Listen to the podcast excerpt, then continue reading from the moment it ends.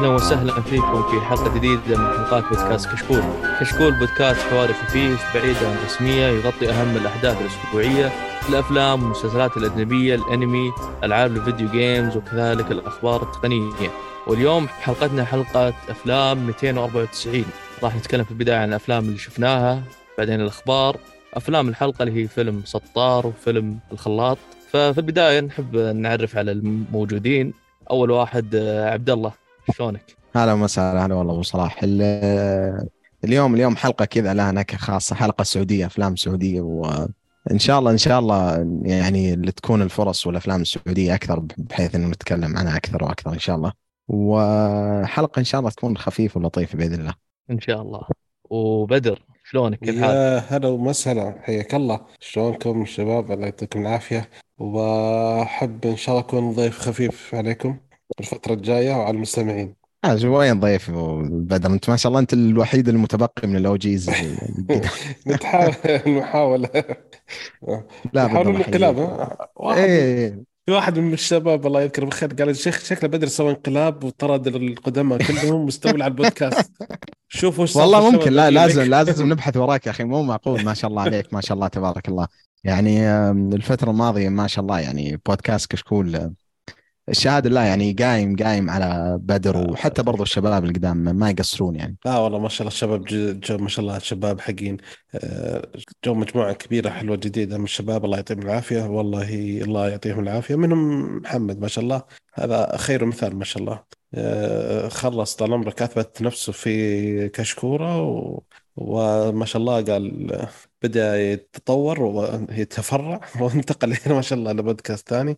فالله يعطيه العافية. ابد مثل ابراهيموفيتش اللي يدفع أكثر يكون موجود. يعطيك العافية طيب نحب نذكركم أن لنا حساب باتريون اللي وده يدعمنا بإذن الله يكون له مزايا مستقبلية وأيضا لا تنسون تشوفون الفيديوهات الجديدة اللي تنزل على قنواتنا في اليوتيوب. طيب بسم الله نبدأ الحلقة وأول شيء نتكلم فيه عن الأشياء اللي شفناها فمين يحب يبدأ؟ أنا حقيقة ما عندي أشياء واجد يعني فودي أسمع منكم أنتم ما أدري ابو صلاح ولا بدر حلو. آه والله الفترة الماضية آه الفترة كانت والله جميلة صراحة بالنسبة للسينما. آه بالنسبة لي جت ظروف كثيرة إني رحت كم مرة ورا بعض في تقريبا كل أسبوع فاسباب مختلفة مع أشخاص مختلفين فكان جميل الحركة هذه. آه شفت كم فيلم. آه أشهر فيلم اللي شفته تقريبا كان افاتار آه 2 المشكلة انه صار لي مقلب أصلا يعني قبل ما أشوف افاتار 2 رحت الأسبوع اللي قبله وشفت دعايته إنه جاء وقال لأخواني نبي نروح عشان ناخذ عيالي يشوفون. قلت أنا معاكم حسب افاتار 2 ورحت دخلت ولا طلع افاتار 1 فصار مقلب. بس كان جميل الواحد يعني انه سوى refresh للفيلم. آه، فكان بعدها بأسبوع شفت افاتار 2 فكان في فرق كبير يعني يعني شيء واضح جدا آه، اختلاف ما بين الفيلمين. ف أدري عاد تبغون أكثر من كذا ولا بس, يعني بس كيف آه، الفيلم بالنسبة لك؟ اي أنا أنا ودي أسمع رأيك عن افاتار 2 لأنه أغلب الشباب اللي هنا يمكن منهم أبو صلاح آه، يعني تجربتهم كانت سلبية مع الجزء الثاني وبرضه عندي سؤال آه، يمكن شوي آه، الفيلم الأول والثاني كانوا معروضين بالسينما بنفس الوقت لأن هذه أنا أشوفها فكرة لا لا قبل قبل ما ينزل الفيلم الثاني عرضوا الفيلم الأول آه okay okay. لأنه لو كانوا الاثنين معروضين في السينما بنفس الوقت يعني راح تصير مقالب واجد يعني. مرة صدقت والله. بس تجربتك مع الفيلم الثاني ما أدري هو كيف كانت؟ لأنه زي ما قلت لك يمكن أبو صلاح يكلمنا عن تجربته. ما كانت تجارب الشباب تحمس صراحة أول شيء أنا بالنسبة لي قلت الفيلم ناشونال جيوغرافيك من أروع أفلام ناشونال جيوغرافيك اللي سوتها في حياتها. صراحة لأنه صدق كتصوير كرائع جدا بس طويل طويل طويل طويل. يعني في كان ممكن أقدر لو أنا سويت editing له إذا اذا أنا مستعجل بس كذا أطير يمكن نص ساعة من الفيلم. نص ساعة كاملة أقدر أطيرها بالراحة كذا. أه، تعرف اللي مستعجل؟ لو أقدر أقعد شوية أقدر أشيل بعد يمكن ساعة كاملة. فهمت؟ والله لو بيدي صراحة اشيل الفيلم كبره بس يلا. لا لا لا لا, والله كترى كتصوير كمناظر يا رجل شيء غير طبيعي. الناشونال جيوغرافيك اتحدى أي أحد يقول إن هذا مو مو بكوكب يعني مو بكوكب حقيقي في كائنات حقيقية في شيء. استحالة. آه، القصة شوية فيه. القصة أصلا ما كانت قوية أصلا في الجزء الأول أساسا فما أتوقع الجزء الثاني يصير أقوى. ولكن في كم هفوات بال في الشخصيات يعني مرة كانت غريبة. فهذا هو. آه، شفت فيلم آه، بعد ثاني حق جاي ريتشي.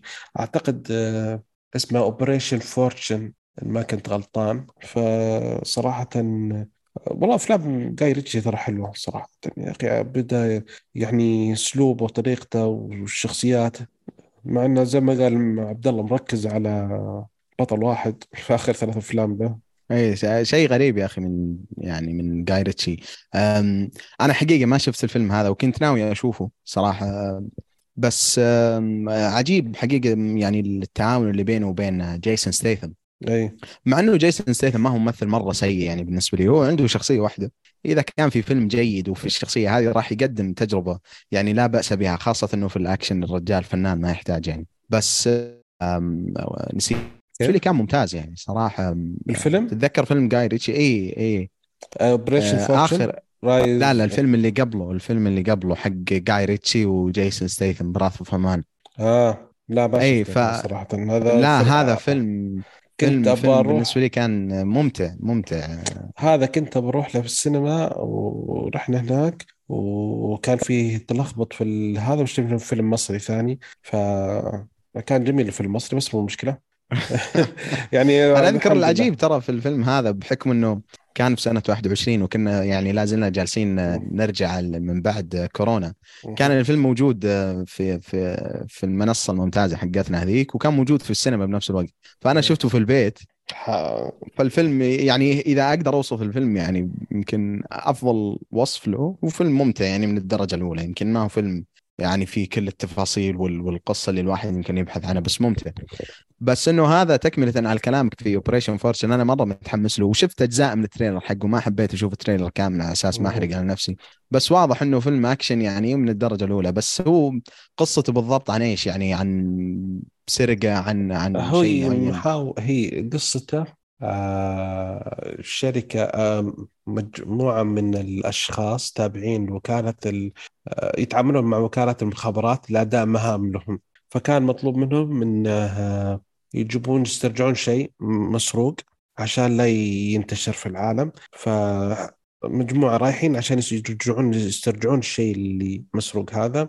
ولا تصير في خيانة ويصير في أشياء وأكشن وحركات زي كذا. بس صدق عاد آه إذا قلت لك إن آه، ستيتم ما كان هو البطل الفعلي بالفيلم. صراحة. والله؟ لا شفت الفيلم مو هو هو البطل الحقيقي للفيلم.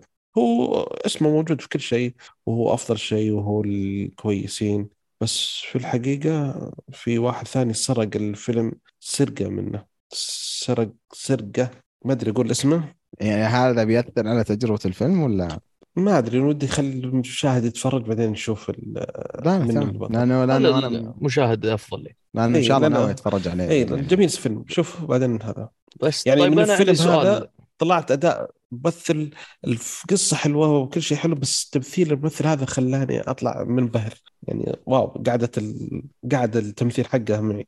طب أنا عندي بس سؤال بخصوص الفيلم. سم. يعني شفنا آه، جاي ريتشي كيف بدأ بداياته من فيلم Lock Stock Two Smoking Barrels وفيلم مم. آه، Snatch كان. بداية قوية جدا خصوصا لا لا في ولا تنسى لا تنسى أقوى فيلم ها. له اللي هو The Gentlemen لا لا أنا أتكلم الحين عن البدايات اي okay تمام طيب. اي شفنا كيف ال structure حق الأفلام حقته مم. كيف ال- الفوضى اللي قاعدة تصير اللي. بعدين في الأخير كيف تتجمع في النهاية وتكون نهاية يعني في, في نوع من زي الانفجار في, في الأحداث تكون في قمة. الأحداث فشفنا يعني راح كمل لو في سلسلة أفلام كانت بعيده عن هذا الأسلوب عن هذا النمط اللي.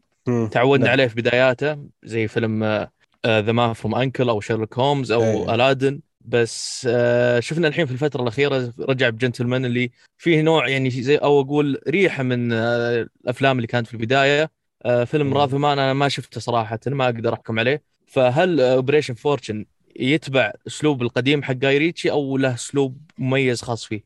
والله الفيلم لا أنا أتوقع إن آه، لا في لمسة جاي ريتشي فيه آه، لأن تمشي شيء ودائما قصصه دائما يمشي شيء كذا بعدين شيء يتغير يحوس الدنيا والشخصيات تضطر إنها تعدل وترتب أمورها وزي كذا. فما ما في شيء يمشي زي ما هي. فنفس الحركات حقته. بس إنه زي ما قلت آه، اسلوبه جميل جدا صراحة الفيلم. حليو جدا يعني مو هو فيلم روعة. آه للأسف ما يوصل ذا جنتلمان بس أتوقع إنه يعني يمكن ثالث فيلم أو رابع فيلم له بالجودة بالنسبة لي.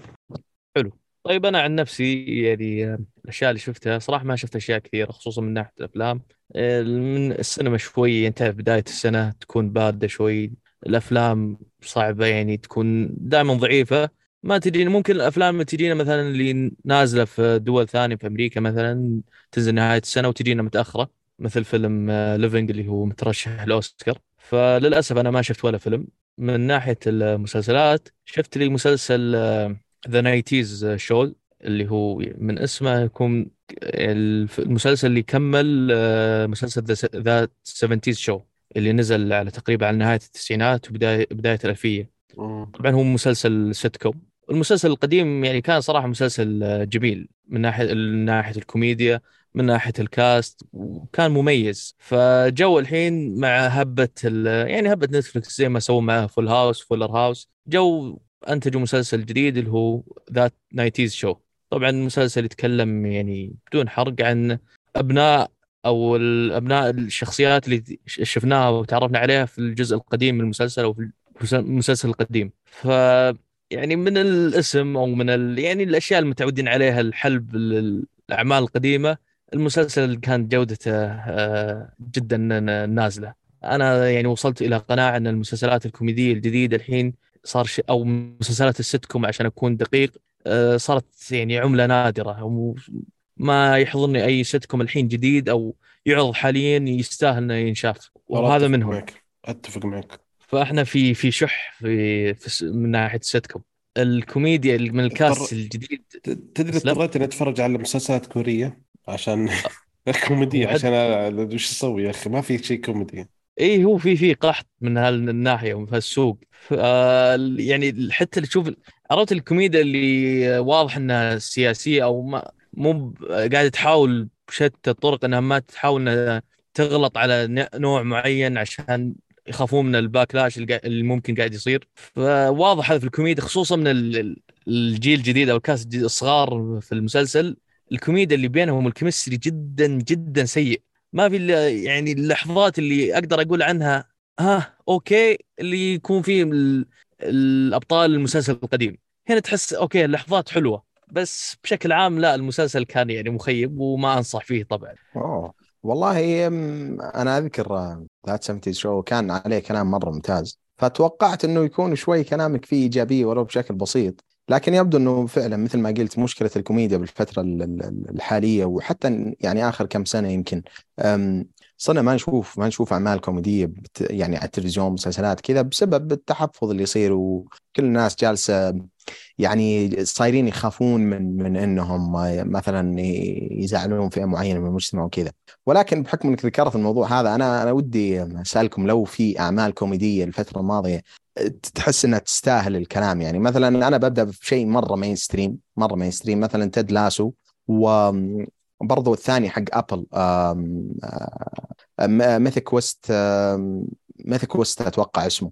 إيه اللي هو حق ال gaming إيه، إيه. صناعة الألعاب. نعم. فيمكن باستثناء هذه الأشياء أنا أنا ما يجي شيء على بالي يعني كشيء كوميدي جديد. ما أدري في في شيء معين ولا عندكم ولا؟ لا أتفق معك 100% يمكن هذا الشيئين الكوميديات اللي شفتهم في الفترة الأخيرة. وحتى اللي تتكلم عن الاشياء هذه كوميديه كوميدية بس ما هو كوميدي من الدرجة الأولى. تحس هذه الأشياء اللي خاصة يمكن Ted Lasso اللي فيه الجود كذا أو الأشياء اللطيفة اللي مضحك بطريقة أو أخرى بس ما هو ما هو مثل ما تقول آه، زي مثلا أسلوب المسلسلات الكوميدية في بداية الألفينات أو في التسعينات اللي هي ال sitcoms ما هو sitcom sitcom من الدرجة الأولى. فهذه المشكلة اللي جالسين نعاني منها في, في الكوميديا. يعني تخيل من أفلام المسلسلات الكويسة كانت Peacemaker يعتبر إنه كوميدي. في Brooklyn Nine-Nine بس إنه مو كل واحد يعجبه. راح مستواه في الأخير للأسف. آه يمكن مسلسل أنا بالنسبة لي كوميدي بس ما هو كوميدي من الدرجة الأولى يعني فيه نوع من الدراما اللي هو Marvelous Mrs. Maisel فهذا اللي يمكن كوميدي بس آه، ك sitcom sitcom تقليدي. آه، للأسف ما في يعني للحين ما في مسلسلات. ما حتى أتوقع اني Ted Lasso ما يعتبر ستكم بعد. لا كوميدي بس مو بسيتكم ما سيتكم اختفت تقريبا يا شيخ. ما في حد. يخافون من رد فعل الجمهور ترى شكلهم. ولا هي بترجع للأسف. ولا ما ما أتوقع إنها بترجع صراحة. يا أخي كانت فكرة السيت كوم ترى جميلة جدا. يعني تقعد و- و- ترى ال- شو اسمه الممثلين ترى يتفاعلون مع الجمهور ترى كثير. يعني حتى ي... لما مثلا ينكت يعرف على طول وش النكتة هل تصلح ما تصلح زي كذا. مع إنه في النهاية ترى يحطون صوت ضحك هم ال... اللاف laugh track؟ اللاف laugh track هذا اللي اللي شيء اللي الناس ما يدرون إنه ترى سجلت من الثلاثينات. يعني كل الناس هذول ماتوا. اللي تسمعون صوتهم يضحكون ترى ماتوا. تحللوا. معليش. بس هذا الحقيقة. صراحة. معليش أصدمكم معليش بس هذه الحقيقة. فما علينا. okay. بس ترى كان بس أقول لك ترى الجمهور كان يعني لما يعني الممثلين كان لما يقول نكتة يعرف في بعض المرات حتى الكتاب يوقف لا تعال غير النص غير جملة غير زي كذا. يعني في لقطات كثيرة مثلا زي فريندز قالوا جملة آه، الجمهور ما تفاعل فما ضحكوا. فقعدوا كلموا زي كذا فجاء ماثيو بيري قال لهم وش رأيكم تسوون كذا؟ فغيروا الجملة طلعت فالجمهور ضحك. ف يعني قالوا okay خلاص خلوا ذا. فكان يعني أشياء جميلة. يجيك ال feedback يجيك على طول يعني. جدا سريع سريع. خصوصا انه في بعض المو... زي الكوميديين زي كذا بعض بعض المسلسلات الكوميدية المحترمة تلقى الكاتب في كل حلقة يكون موجود يعني على طول تعديل الفوري جميل جدا. okay. آه عندي بعد مسلسل ثاني ما أدري إذا تكلمت عنه ولا لا اللي هو مسلسل Bad Sisters هو. من إنتاج ابل مسلسل قصير، عشر حلقات. آه شوف هو المسلسل يعني بشكل بسيط من الحلقة الأولى يعني هم. أخوات عددهم تقريبا خمسة آه واحدة من الأخوات آه من بداية الح... الحلقة الأولى زوجها يتوفى. فكان في نوع من الغموض انه واضح إن الزوج في يعني أسئلة على كيف الزوج توفى وتبدأ أحداث المسلسل والمسلسل يعني يكون على آه، خطين زمنيين الخط الزمني الحالي اللي يكون فيه الزوج متوفي والخط. الزمني الماضي قبل لا يتوفى إيه فنشوف أحداث المسلسل ان الخط اللي في الماضي يمشي يمشي قدام لين ما يوصل كيف آه، يعني توفى الزوج. فالمسلسل آه، ودي أقول أشياء كويسة عنه صراحة بس آه، أنا ما ما أدري ليش ما أبغى أجي بشكل سلبي هالحلقة بس بعد المسلسل ما ما كان يعني من المستوى المأمول منه كان عليه hype مره كثير من هو الناس بعد أوه لازم نشوف لازم نشوفه. هو مقتبس من مسلسل نرويجي أو مسلسل أوروبي. ف تعرف إن فيه يعني لمسة يعني من ال- ال- ال feminist مم. كيف إن الرجال سيئين ومن هالأشياء اللي شفناها مليون مرة و... وملينا منها. للأسف هذه موجودة بعد في المسلسل. آه للأسف يعني حتى شخصية الزوج شخصية يعني آه شريرة هي يعني صراحة ثانوس بالنسبة له ولا شيء يا حليلة ثانوس. فكان بزيادة عن اللزوم فهذا الشيء اللي كان يعني مستغربة واللي فاصلني نوعا ما من جو المسلسل. أه، بس بشكل عام يعني شوي خفيف هو عشر حلقات. بس لو أحد بيسألني ما انصح صراحة يعني لو ما شفت المسلسل ما فاتك شيء كثير. والمسلسل انتاج آه، أي شبكة؟ من شبكة آه، أبل. آه okay. والله مستغرب لأن ابل يا أخي الفترة الماضية يمكن بالنسبة لي أفضل شبكه صح أعمالهم قليلة ولكن ال- ال- الأعمال اللي ينزلونها مرة ممتازة ف يعني شوي استغربت حقيقه منهم. إحنا بودكاست مسلسلات اخترنا أفضل أفضل شبكة في السنة. لا تستاهل تستاهل. ما أحد- مسلسل عمل واحد يعني ما يضر في السنة كاملة بالنسبة لي. يعني لا يا أخي ابل الفترة الماضية جالسة تقدم شيء خرافي يا أخي. تعرف اللي كشخص محب الاندرويد آه، يعني يؤسفني إني أقول الكلام هذا بس فعلا يا أخي شبكة شبكة أعمالهم جدا خرافية. يعني يتكلم عن مثلا النقطة اللي قلنا قبل شوي إنه أفضل آه، أفضل عملين كوميديين موجودين لحد الآن آه، مم. موجود عندهم. يتكلم عن شيء مثلا thriller على كوميدي Slow Horses يتكلم عن شيء دراما قح اللي هو Surveillance أو آه، مش كان اسمه يا أخي حق آدم سكوت اللي هو حق الشركة. Severance. Severance Severance. لا أي. لا لا لا. ممتاز. عنده عنده مش أفضل مسلسل السنة. فاخر؟ أشياء أفضل مسلسل السنة بالنسبة لي أنا. والله تصدق أنا اللي تفاجأت لما شفت الأفضل المسلسلات السنة الماضية كثير من ابل اللي خاصة اللي فاجأني مرة يا أخي Slow Horses. Horses مرة فاخر مرة مرة. جدا جدا جدا. تابعته؟ أنا تابعته لما كان ينزل في بدايته بداية السنة الماضية. وكان يا أخي ممتع ممتع. يعني جاري أولدمان يا أخي مش ممكن مش ممكن شايل. المسلسل أسلوبه ترى مو مو مو مو مستفز جدا يا رجل. جدا جدا. ودك طب عنده. أنت ماك دخل منقهر بس هذا يمثلك دليل إنه تمثيله رائع يا شيخ. تمثيل خرافي خرافي. آه بس تعديل بسيط. آه Bad Sister في آه season ثاني بينزل. بعد. أنا مستغرب إن القصة انتهت في الجزء الأول. لا حيجيبون شيء ثاني المشكلة okay نشوف. تموت واحدة من نشوف ونضحك. تموت تموت واحدة منهم. يلا ونعيد ال- المسلسل من جديد. أمزح ترى. ما أدري ترى أمزح. حد تصدق عادي والله ما أستغرب يسوونها طيب آه هذا كان بالنسبة لي آه يعني عن مسلسل Bad Sister العمل الأخير اللي تابعته أو اللي قاعد أتابعه للآن لأنه ينزل اسبوعيا اللي هو انمي Blue Lock آه انمي Blue Lock بشكل عام يتكلم عن آه آه عن في, اليابان أحداث تكون في اليابان عن خلينا نقول جهة تبغى تطلع أو تبرز المهاجم الياباني المستقبل اللي ممكن يساعد المنتخب الياباني يحرز كأس العالم. آه أنمي. إي أنمي. تصدق جالس أقول أقول يا أخي كأنه في أحد كان شايف الأنمي ذا. وش المسلسل اللي يتكلم عنه؟ طلع عنه سنه أنمي sorry ف يعني أنا صراحة عن نفسي أحس في فترة طويلة مرت في نوع من شح من انميات الكورة خصوصا يعني أنا متعود في الطفوله إني أحب أتابع زي كابتن ماجد shoot كابتن رابح. فأحس جت فترة كذا انميات كورة ما ما تنزل أو ما لها يعني صيت كبير. فلل إن هالفترة سبحان الله نزل أنميين اللي هو Blue Lock في واحد قبله آه، الظاهر اسمه شيء آشي أو أو آشي ماني متأكد كيف ينطق اسمه. إيه إيش إيش إيش إيه اللي جميل بدأ. جميل جدا. جميل جدا صراحة. اي فأنا تابعت هالأنمي. اللي يعني شوف الأنميات الرياضه اللي خصوصا الفترة الحالية يمكن خلينا نقول آخر سبع سنين إذا تابعت واحد تقدر تقول تابعتهم كلهم. أه تع- يتبعون نفس الفورمولا نفس الأحداث تقدر تتوقعها. أه فنفس الشيء يعني Blue Lock ما هو استثناء من هالقاعدة هو كمل عليها. بس الجميل في الانمي اللي هو ال animation كان صراحة ممتاز. مع إنه يعيبه شوي بعض الأحيان التحريك. بعض الأحيان يكون يكون 3 D وتلاحظه يعني يعني ينزل الم- المستوى. بس ال animation إذا ضبطوه وإذا كان ممتاز يكون ممتاز جدا. فهذا اللي يميز الانمي والحلقات يعني مستمرة. يجيك cliffhanger يحمسك على حلقة الأسبوع اللي بعده. فكمتابعة أسبوعية صراحة كان شيء جميل.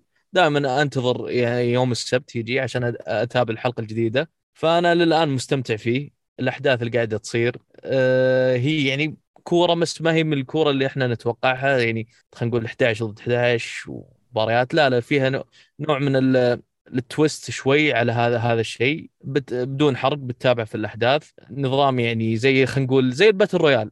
أتوقع أفضل وصف آه يعني في أشياء زي ما. تقول آه، يعني أشياء زي supernatural كذا يشوت الكوره ويطلع منها نار و... لا لا لا ولا؟ آه لا لا مو مو بكذا لا لا لا ما في يعني في- شوي over من الانمي يعني بس لا مو يعطيك آه، تسديدة مخلب نمر و- يا والحارس أخي من قاعد كانه. كانه كروكو باسكت إذا في أحد منكم شافه اي لا لا لا لا مو بنفس يعني كروكو. باسكت كان أكبر مقلب في التاريخ يعني بالنسبة لي كذا بداية الأنمي مرة promising و... وفعلا اللي يحب السلة يتفرج عليه. بعدين كذا كل ما يمشي الأنمي كل ما تصير الأشياء supernatural يعني واحد الرمية الملتهبة والكلام الفاضي إذا عرفت. لا ما في هالأشياء بس في تعرف اللي يجيك آه، يكلم نفسه ويناقش نفسه ويتذكر اي الماضي طبعا لابد لابد هذا. عند اليابانيين. ويسولف مع اللي قدامه وما بقى الا ترى بوسط. الهجمة ها؟ اي بوسط الهجمة سواليف وضحك. وهذه حركات الأنمي يعني تحاول شوي تغاضى منه. وإذا تغاضيت عن هالشيء أنمي؟ ممتع صراحة. طيب فهذه يعني آه، نقدر نتفرج عليه في منصة رسمية في السعودية هنا ولا لازم؟ والله أنا عن نفسي أتابع منصة ال جي آه أوكي أوكي. أنا يا أخي أنا لسبب ما. يعني ال- الأنمي تعرف كذا أتكاسل حقيقة إني إني أتعب في في البحث ورا الأنمي. يعني كذا أحب يكون يجيني جاهز عرفت؟ لأنه الأنميات الفترة الماضية مقصر معها فأنا ما أبغى أتفرج على أنمي كذا تعرف أبغى اريح راسي يا أخي خلاص. بس آه، إذا هو يستاهل والله يحتاج يعني لا يستاهل. نبحث نبحث وراه ونعطيه العناء لا يستاهل. انت بدر شفته كذا ولا قاعد عن هذه؟ لا لا يستاهل. لأن أنا أتابع حلقة بحلقة. اي تمام. هو وايشترو نفس الشيء. يستاهلون صراحة. حلو. عندكم أعمال ثانية شفتوها ولا؟ والله أنا بتكلم عن عملين. واحد آه، نزل السنة الماضية في 2022 واحد قديم شوي. بس ببدأ مع الجديد اللي هو Glass Onion وما راح أطول فيه يعني الشباب تكلموا عنه وكذا. بس آه، الفيلم ممتع بس الشيء اللي يمكن تلاحظه إن السلسلة أعتقد كل ما راح تتقدم يعني لو نزل الثالث والرابع لأنه أنا متأكد إن الثالث راح ينزل لأنه أصلا الجزء الثاني Netflix اتفقوا مع المخرج والكاتب أم، إنه يشتغل على مجموعة أعمال قادمة و Glass Onion Knives Out واحد منهم. ممتع لكن يبدو لي حقيقة انه إنه جالس يتوجه إلى أسلوب كذا ويمكن أو طابع كوميكي يمكن أكثر من الجزء الأول. آه وغير كذا تحس إنه السلسلة راح تفقد يعني شوي بريقة كل ما تتقدم الأفلام. لأنه الشيء الجميل فيه انه إنه تعابير الشخصية حقت آه، حقت دانيال كريج وغرابة الشخصيات اللي اللي تحقق فيهم في الجريمة. هذا الشيء الممتع بالفيلم والمميز. فكل ما يتقدم الشيء هذا وكل ما ينعرض أكثر وأكثر راح يفقد بريقه يعني بشكل كبير. ولكن الشيء اللي يحسب لهم يا أخي إنه قصة الفيلم كانت في في في الحجر الصحي في بداية كورونا. فهذا اللي شوي تعرف اللي شيء relatable مرة. ف فأضافت يمكن شوي للفيلم بالنسبة لي. وشخ... شخصية إدوارد نورتن ما ذكرتك في في لا الله إيلون ماسك؟ والله في شوي عاد يقولون ما ما كان قصدنا. سبحان الله ما كان قصدي لا. اي ما ما كان قصدهم بس آه، إدوارد نورتن يا أخي مين آه، يعني أنا تذكرت يا أخي مرة فاقدينه والله بالسينما ورجوعه يا أخي ذكرك ليش أصلا في وقت من الأوقات كان سوبر ستار في في, في هوليوود فممثل مرة خرافي يا أخي وفاخر والشخصية حقته يا أخي مرة يعني مرة شخصية يعني زي تافه تافه إلى أبعد الحدود بس شخصية رهيبة يا أخي يعني غبائه أو رهابته في غبائه. فالفيلم يستاهل يعني آه، بس الفيلم أسلم. آه، هل تشوف انه عن الجزء اللي فات Knives Out أفضل منه اسوء منه نفس المستوى والله شوف؟ الجزء الأول الجزء الأول كان جيد يعني ممتاز بالنسبة لي بس ما كان مرة آه، يعني ما كانت تجربتي معه والله مرة كان فاخر ولا كان كان من أحسن آه، مثلا top 10 ولا top حتى 20 في سنة 2019 أصلا بحكم انها كانت سنة مرة ممتازة. بس كان الجزء الأول كان فيلم تحقيق ممتع. بس الحلو والجميل فيه إنه يعني كانت ال- ال- المبالغات اللي فيه أقل من الجزء الثاني. فيمكن لو لو أبغى أقول يمكن إنه الجزء الثاني يمكن يتميز عن الأول إنه أسلوبه كوميكي أكثر يمكن كوميدي أكثر. آه لأنه الشخصيات اللي فيه مثلا شخصية الموديل وحتى شخصية إدوارد نورتن كذا تحسهم كلهم شخصيات يعني شخصيات غبية بس بطريقة أو بأخرى وصلوا للمكان اللي هم موجودين فيها. بينما الجزء الأول تحسه يا أخي شخصية فعلا حقيقية. عن ناس جالسين يتهاوشون عن ورث آه، و- وفي برضو المبالغات البسيطة هذه ولكن ما أفقدته يمكن طابع ال ال إنه يكون كذا فيلم تحسه قصة حقيقية وممكن تصير. على عكس الجزء الثاني، الجزء الثاني يعني زي ما ذكرت تحسه كوميكي بشكل كبير. بس الشهادة لا يمكن الجزء الثاني استمتعت فيه أكثر. وأشوف الفيلمين يعني كلهم على نفس المستوى. ولكن الثاني يمكن شوي يمكن الشخصية المحققة يمكن شوي صارت أقل تميزا من الجزء الأول بحكم أنه هذه ثاني مرة نشوفها. وهذا الشيء اللي زي ما ذكرت أنا خايف منه إذا إذا نزل فيلم ثالث أو رابع أنها تكون الأفلام يعني خلاص آه، يعني تكون فورمولا معينة ويمشون عليها. فهذا راح يفقد ال- ال- ال- ال- السلسلة يمكن بريقة و- والشيء اللي يميزها بحد ذاته. حلو. حلو. آه. طيب آه عندي الفيلم الثاني. فيلم ما أدري كيف يا أخي راح من, من تحت الرادار. آه فيلم قديم شوي فيلم في 2007 اسمه The Darjeeling Limited فيلم لويس اندرسون ومن بطولة ال cast ال- ال- اللي متعودين عليه لويس اندرسون أوين ويلسون أدريان برودي وجيسون آه، الله يعين على اسمه. هذا جيسون سوارتسمان أتوقع كذا اسمه. آه أنا حتى شفت الفيلم كذا ما عندي أي خلفية عن الفيلم. حتى ما عرفت إنه فيلم ويس أندرسون.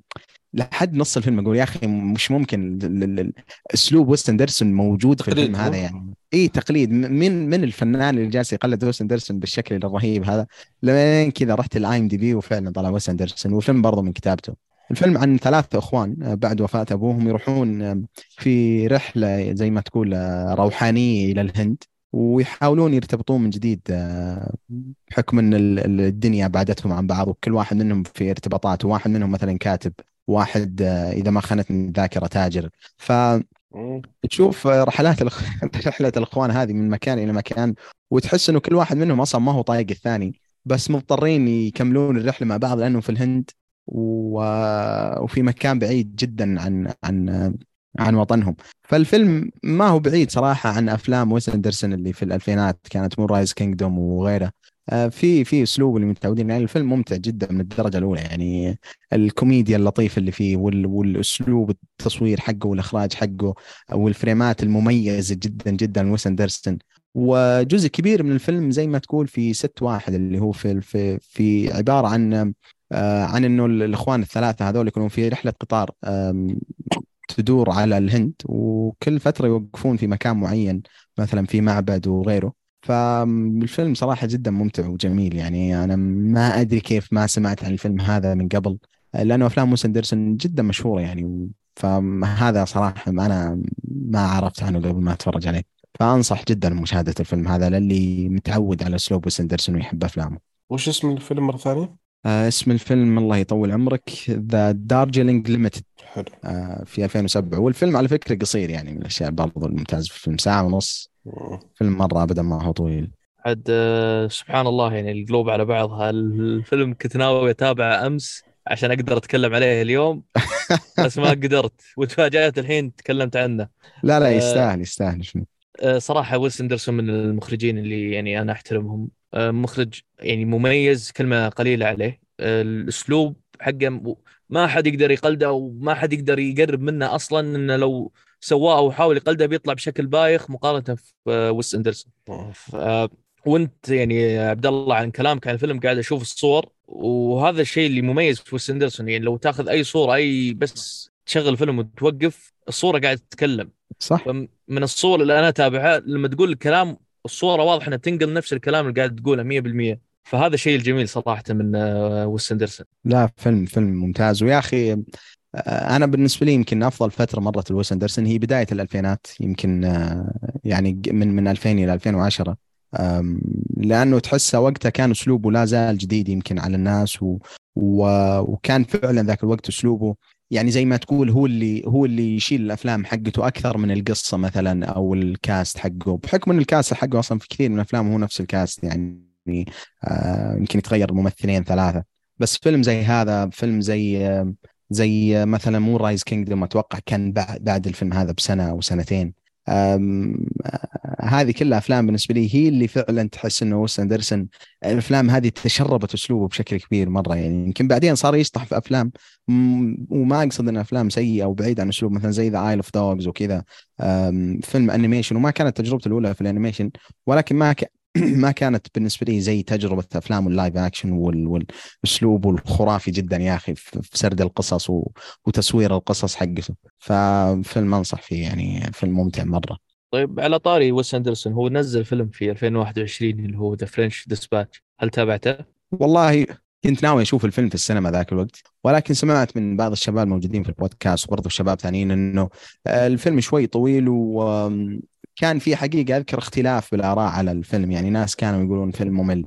آه، أذكر كان الفيلم يمكن مدته شوي طويلة والآراء كانت مختلفة عن الفيلم. لكن آه، إن شاء الله إن شاء الله ناوي أشوفه و ودي أسمع منكم أنتم إذا تفرجتوا على الفيلم هذا. هل كان بعيد عن أسلوبه؟ والسبب يمكن انقسام الآراء عن الفيلم أو خلينا نقول مو انقسام لما تشوف الناس تتكلم عن الفيلم مثلا ما يكون كلامهم إيجابي 100% يعني ودائما مثلا سمعت كلام إنه الفيلم تحتاج تتفرج عليه أكثر مرة عشان تكون قادر إنك تربط القصص مع بعضها بحكم الفيلم يتكلم عن قصص مختلفة ولكن يربطهم إنه القصص هذه كلها كانت موجودة في صحيفة معينة. فما أدري هل الفيلم كان مستوى أقل متعودنا عليه ولا أسلوب الطرح اختلف ولا وش بالضبط؟ والله أنا عن نفسي يعني فيلم فرنس فرنس فرنش ديسباتش كان من الأفلام المفضلة بالنسبة لي في 2021 واشوفه يعني انسرق في الأوسكار بعد. كان يستاهل ترشيح وإنه يفوز بعض الجوائز. ممكن فكرة الفيلم آه، في البداية إذا ما كنت مطلع عليها تضيعك خصوصا إنه يتكلم عن مجلة. وفتركيبه الفيلم إن كل شابتر في الفيلم عبارة عن خلينا نقول قصة في المجلة هذه أو بعد شابتر في المجلة. فهذه الشابترات ما لها علاقة بين بعض ولكن هي مجرد زي خلينا نقول ايشو من المجلة أو عدد من المجلة فيها مجموعة من القصص. الكتاب كل كل واحد موظف في المجلة هذه يروح يتكلم عن شيء معين فتبدأ الأحداث تكون معه. فهي زي مجموعة من القصص ال- ال- القصيرة مجمعة مع بعض. آه، بالنسبة لمدة الفيلم يعني أنا ما أشوف انها مدة طويلة إنها كانت ساعة و47 دقيقة فأنا شخصيا ما أشوفها مدة طويلة ابدا. فلو إنك عرفت هالشيء وعرفت كيف صيغة الفيلم أنا أتوقع إنك آه، يعني بتستمتع فيه. وفي الفيلم. فيه حركات يعني إخراجية وفيه لمسة ويس أندرسون اللي إحنا متعودين عليها واللي نعشقها صراحة. وهذا الفيلم ما ما أشوفه يعني مختلف عن الأفلام السابقة. حمستوني جدا الفيلم صراحة. ما- لا، لا يعني لا لا، انصحكم يكفي فيه. لا ما وكمان في. بيل ميري بعد خلاص انتهى. I'm sold خلاص. في على طاري بيل ميري يا بدر في فيلم Moonrise Kingdom. أنا أتوقع يمكن هذا من الأفلام اللي هو بحكم آه، لا إله إلا الله ويس اندرسون في بداية الألفينات كان كثير من أفلام متعاونات بينه وبين بيل ميري. بعدين صار بيل ميري يطلع بظهور شرفي أكثر يعني يمكن بس. Moonrise Kingdom كان له دور كبير. والفيلم هذا بالنسبة لي أكثر فيلم مميز يعني آه، لأنه قصته. إي Moonrise Kingdom متوقع 2005 2008 شيء زي كذا. 2012 والله؟ إيه بس يستاهل يستاهل. يعني أكثر فيلم مميز. أتذكر إني شفته. لا جميل صراحة. أنا يكفي بالنسبة للمخرج يكفيني The Grand Budapest Hotel هذا لحاله. بغض النظر يا عن الله الفيلم هذاك الفيلم. أوف. هذاك يا أخي غير طبيعي. شيء مش ممكن يا أخي الفيلم هذاك. الأفضل بالنسبة لي إلى الآن أفضل فيلم cinematography شفته في حياتي. تص... أي زاوية تصويرية جمال الفيلم. يمكن حتى كان في فيلم اسمه Hero إذا كنت تعرفه حق صيني. من أي حق. جاكي شان وجت لي أو وش إيه. اسمه هو الثاني هذا؟ جت... اسمه Hero جت لي. اي جت لي. جت لي. الفيلم ذاك كان تصوير ال cinematography كان رقم واحد بالنسبة لي الين ما نزل الفيلم هذا دفة صراحة بقوة يعني قال له معلش استرح. لا لا فاخر فاخر. يعني والله أنا أتوقع لو لو جلسنا أكثر نتكلم يمكن نمر على كل أفلام. اي خلينا نغير. ترى زهق الجمهور. اي افلامه يا أخي فاخره فاخره جدا. ال cinematography رجل أذكر في في Grand Budapest Hotel. آه، أذكر في مشهد كذا جالسين يتكلمون في قطار في في كابينة أحد القطارات. ال- ال frame هذاك تقدر توقف ال frame كذا وتخليه عندك خلفية جوال ولا خلفية تلفزيون ولا. اي شيء صدقت. شيء فاخر صدقت. فاخر يا أخي. حلو. هذه ال- الأعمال اللي شفناها الفترة الأخيرة. ننتقل للأخبار. فأول خبر عندنا عندك يا عبد الله. طيب الله يسلمك. الخبر الأول يتكلم عن الأخوين قدس اللي شفنا منهم عمل زي شمس المعارف واللي كان يمكن أول فيلم آه، ينزل في السينما عندنا ويلاقي رواج ويكون له عوائد يعني كبيرة. يقول لك إنه الأخوين قدس آه، راح يبدون عملية تصوير فيلمهم القادم بعنوان أحلام العصر من إخراج فراس قدس وبطولة صهيب قدس زي ما إحنا متعودين. آه، ما في تفاصيل حول حبكة الفيلم غير أنه إن شاء الله بإذن الله الفيلم راح ينعرض نهاية السنة هذه. و... و- وكتابة الفيلم يبدو لي أنه كانوا جالسين يكتبون الفيلم من بعد شمس المعارف. يعني في الخبر أنه يقول لك جالسين يكتبون الفيلم لمدة قد تقارب السنتين ونص. فيعني يبدو الفيلم أنه كان في الفرن لفترة طويلة وإن شاء الله ننتظر ونشوف. آه، يا أخي ال- ال- الأخوين هذول أنا جدا جدا يا أخي مغرم في في أسلوبهم سواء في برامجهم لما كانوا في تلفاز آه والأفكار الشاطحة مرة اللي كانوا يقدمونها يعني أذكر في Top Five في برنامج إي في برنامج في تلفاز كان خلاط قبل الخلاط يعني نسيت والله وش كان اسمه خنبلة؟ آم، كيف؟ خنبلة لا لا كان كان برنامج عبارة عن سكتشات كذا مجموعة مم. شباب جالسين ويسوون زي ما تقول brainstorming عن أفكار سكتشات معينة وتشوف الأفكار السكتشات هذه تتسوى. وكثير منها ما كانت سكتشات زي يعني ممتازة من الدرجة الأولى بس كانت مميزة بغرابته واسلوبه الغريب. وهذا اللي بالنسبة لي يميز الأخوان قدس دائما. قصصهم دائما ما تكون مميزة.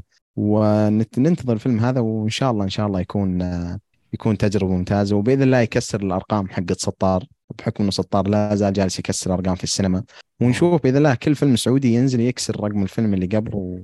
وخلاص تكون الصناعة عندنا رسمية يعني ب ب ب بشكل كبير و بس بس بالنسبة لكم وش تتوقعون راح يكون اسم السنة حقتنا؟ يعني في أمريكا هوليوود وفي الهند بوليوود ما أدري. ساو... ساودي وود ولا ما, يجي يجي لأني قريت في. واحد من المواقع. واحد من المواقع. قريت في واحد من المواقع جالس يتكلم عن تأثير ال- الصناعة السعودية في الأفلام وكيف انها جالسه تكسر أرقام في السينما حاليا. وجالس يتكلم عن السينما السعودية وجالس يذكرك يقول ساودي ساودي ود أو شيء زي كذا. تعرف اللي مو ضابطه مرة يعني بس تمشي يعني تمشي ما, ما عندك مشكلة. بس نشوف ننتظر ننتظر فيلم إن شاء الله نشوف ما أتوقع مو بشرط يعني لازم يكون عندنا اسم يعني مثلا زي كوري آه كوريا السينما الأوروبية ما يعني على حسب علمي ما لهم أسماء معينة واسماء يا أخي يا أخي نبغى يصير اسم يعني عشان نكون مميزين عرفت؟ إيه. جا خلاص نعتمد Saudiwood. إن شاء الله إن شاء الله. نسوي أوسكارز عندنا. هي في أوسكارز في حفلات توزعت وجوائز توزعت الفترة الماضية بس كانت ما أبغى أتكلم عنها يعني بس كانت أي كلام الصراحة يعني. ما وصلنا. يعني ما وصلنا إيه. لمرحلة إن تكون في جوائز خاصة يعني اي ابدا ابدا. كيف هو أصلا ما هي يعني. ومجموع الأفلام المسلسلات والأفلام الجديدة اللي ينزل عندنا في السينما ما يتجاوز عشرة يمكن أو الاشياء اللي تستاهل أصلا إنك تتفرج عليها. فما بالك إنها تكون يعني آه، تستحق جائزة معينة. بس إن يعني شاء الله إحنا لازلنا في بداية. مرحلة البناء. اي في البداية. وبإذن الله الصناعه هذه تكبر وتكبر أكثر بإذن واحد إن شاء الله. طيب آه، بدر وش عندك؟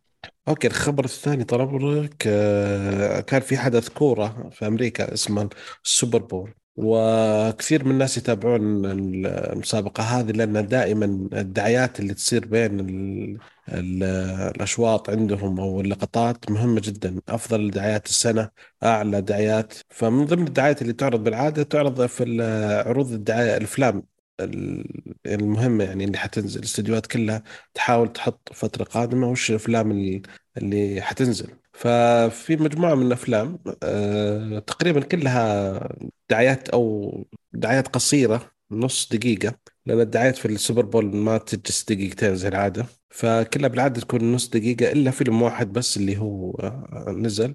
دقيقة يعني فيلم جديد أو دعاية جديدة نزلت آه، خصيصا في الفترة هذه. حنمر على الأشياء القديمة.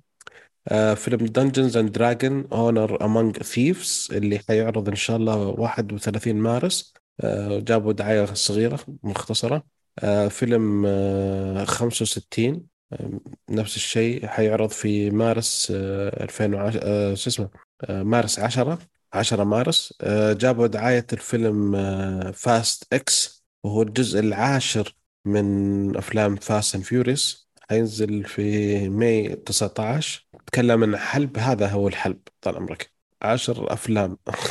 آه. هذا 10 أفلام بدون spin-offs إيه بعد صح. إيه في spin-off مصيبة والله.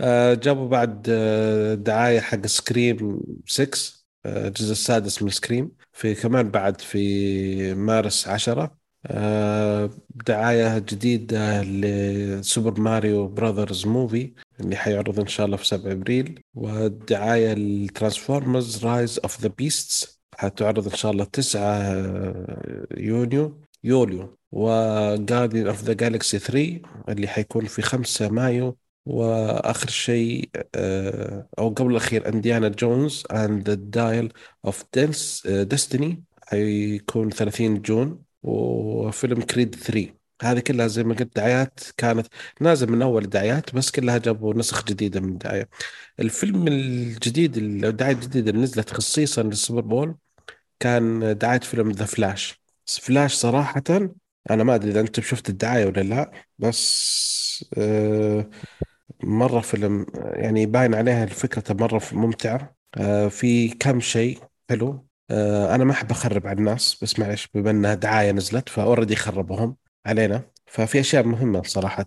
آه، هي قصة فلاش يحاول بدري إيش يسوي بالضبط إنه يضطر إنه يرجع آه، يخترق حاجز الصوت مدري الحاجز الزمان وينتقل إلى زمن موازي زمن موازي. آه، الزمن هذا في أشياء أول شيء إنه ما في سوبرمان في Supergirl. والشيء الثاني إن باتمان هو عبارة عن شخصية باتمان اللي نزلت سنة في الثمانينات من بطولة آه، شو اسمه؟ مايكل كيتن. مايكل كيتن اي فتخيل بعد 30 سنة جايبين إنه يقول I'm Batman فيعني أتوقع بالسينما حيصير حماس. برضو باتمان بن افلك موجود ولا لا؟ اي اي حيكون موجود هو. يعني هو في عالم الحقيقي الحالي إيه. اللي كان تبع Justice League فموجود. بس هو ينتقل في وقت زمن ثاني فيشوف يلقى شخصيته ثانية. ويلقى أشياء ثانية. فهذا الحماس اللي فيها أشياء كثيرة يعني صراحة. هذا واحدة من الأشياء اللي تخليني زعلان على العالم اللي كانوا مسوينه. الأفكار في الفيلم ذا تبين إن الفكرة الأساسية حقت عالم DC الفترة اللي راحت كانت كان فيها أفكار قوية جدا بس كان سوء في الإنتاج. فما كان يحتاج يغير خطة كان يخت- بس يحتاج يغير مخرجين يغير منتجين بس يعني حتى جية ورقة جيمس من- هذا ما أنا بعجبتني أنا بس من الاشياء التعيسه برضو اللي مربوطة في عالم DC إنه آه، الممثل هذا اللي اللي يمثل فلاش. ازرا ميلر قبل آه، فترة يعني جاب إيه. العيد في نفسه ودخل السجن فترة إذا ما كنت غلطان و... وأتوقع ألغوا المشاريع المستقبلية يمكن باستثناء هذا فيلم The Flash بحكم إنه انتهوا من التصوير إيه، وكذا إيه. يعني فيلم The Flash هذا بالغالب لو كان له تكملة راح يكون في الممثل ثاني يعني. ف يا أخي ما تدري هو موضوع نحس على على. سوء إدارة على مجموعة أشياء كذا جاية إيه. مع بعض يعني. شيء ورا هو السبب المنطقي الوحيد إن فلوس دي سي فلوس حرام فهذا الشيء الوحيد. اللي قاعد يصير والله. مو مو طبيعي. أنا صراحة يعني أنا متحمس على الفيلم مو بعشان الفيلم نفسه بس عشان الأحداث اللي صارت يعني الأخبار اللي طلعت حول حول الفيلم والأعياد اللي جابها الممثل ما هو بعيد واحد يو. يعني كل يومين يطلع لا مسوي والجميل في. الموضوع إن الأعياد اللي جابها كثير منها على الكاميرا يعني لو تبحث عن الموضوع تقدر تشوفه عرفت فالرجال يعني مرة مرة فاصل. يعني منتهي الرجال بس اللي أنا قاعد اتابع أو أشوف الناس اللي اتابعهم بتويتر اللي متعمقين في الكوميكس خصوصا إن الفيلم يعني بيقتبس من آه، comic آه، Flashpoint أوه فلاش أجمل. Paradox أتوقع. إي نعم. فيلم فاخر. يقولون- فيلم ال animation حقه على فكرة بالنسبة لي قد يكون أحسن فيلم آم، له علاقة في DC يمكن بالنسبة لي أحطه بنفس المرتبة حقت فيلم The Batman يعني لو لو ما تكلمنا عن ثلاثية كريستوفر نولان. لا فيلم ترى فاخر فاخر. شوف فيلم Justice League Doom والله شوف أنا من فترة أنا أتوقع ترى إني شايفه لأني شفته قبل فترة. إذا إذا كان نازل يعني من 2017 أو 2018 تحت فبالغالب إني شفته ولكن ناسي. بس الأشياء الجديدة مقصر من DC. بس DC في ال animation يا أخي كلام كلام كبير اللي يسوونه. 2012 الفيلم. تمام تمام. من أفضل أفلام Justice League اللي توريك باتمان اللي كنا نعرفه إحنا. okay؟ okay. جميل جميل. كذا خبر حبي okay آه روحوا شوفوا شوفوا الدعاية حقت The Flash The Flash أنا تابعته صراحة و... وشكله يعني ال... يطلع فيلم جميل يعني أتوقع. نعم. ننتظر ونشوف. آه، تمام. الخبر الثالث آه، يقول لك آه، جاري العمل على إنتاج فيلم عن الحرب العالمية الثانية المخرج جاي ريتشي وبيكون بعنوان The Ministry of Ungentleman The Ministry of Ungentlemanly Warfare يعني صراحة ما أقدر اعيدها ثلاث مرات. آه، الفيلم يعني يقول لك مبني على أحداث حقيقية وبدأ التصوير الفيلم خلاص بدأ في تركيا ومن بطولة هنري كافيل إزر... آه، إيزا جونزاليس آه، الن ريتشس ريتشسون هنريك زاغا والكس بيتفر فيعني بشكل مبدئي صراحة يعني حسيت ال- الفترة الأخيرة بدأت تكثر ح- يعني أفلام الحرب العالمية الثانية. يعني فترة بعد فترة فيلم بعد فيلم بدأ ال- بدأ يكون صعب إنك تجيب شيء جديد آه، يكون محمس المشاهدين انه يتابعون فيلم عن هذه الحقبة. فأنا ما أدري وش بيسوي جاي ريتشي مع الفيلم خصوصا ما أدري الفترة الأخيرة صار ينزل أفلام بشكل آه، غزير.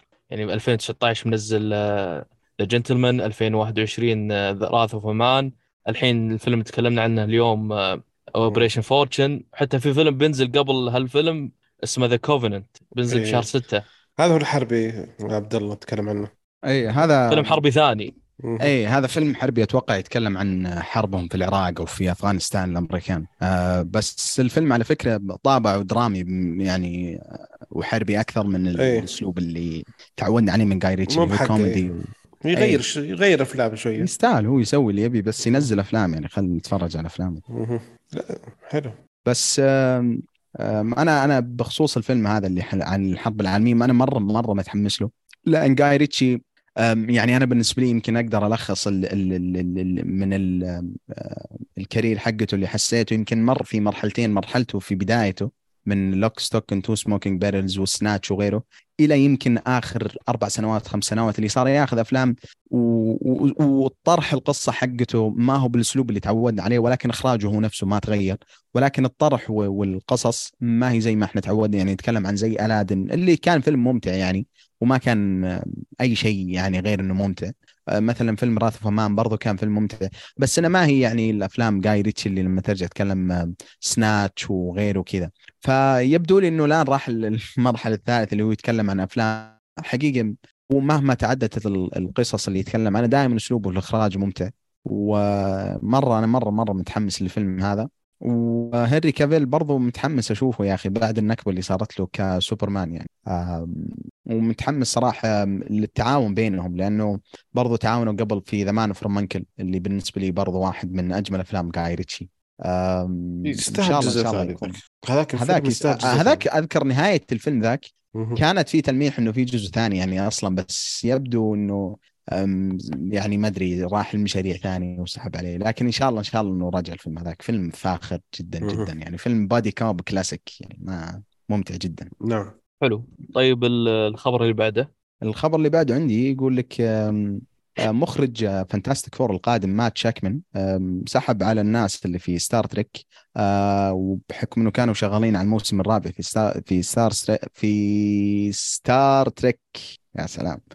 آه سحب عليهم لأنه كان مشغول أو حاليا مشغول على العمل في Fantastic Four وفي كلام واضح إنه إنه اللي استشفيت من كلامه في الخبر إنه صعب جدا على أي واحد إنه يفوت فرصه العمل مع مارفل آه خاصة إن ال phase القادمه حقتهم هذه يبدو إنه واعد يمكن أكثر من أفلام الفترة الماضية اللي شفناه. آه يعني Secret War وأشياء جدا ممتازة جاية. فنشوف و Fantastic Four أتوقع هذا ما راح يكون الظهور الأول لهم في في عالم مارفل يعني. بس لأنه بدون ما أحرق بس ظهروا في كم فيلم قبل.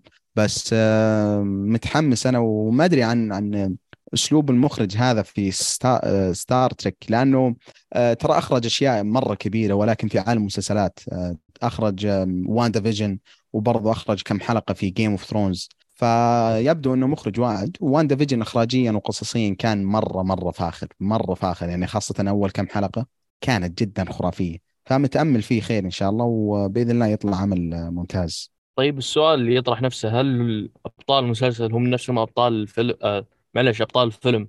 يكون نفس أبطال الفيلم نزل آه، قبل فترة اللي هو في 2017 إن ما خاب ظني. لا لا أتوقع إنه سووا format جديده يعني.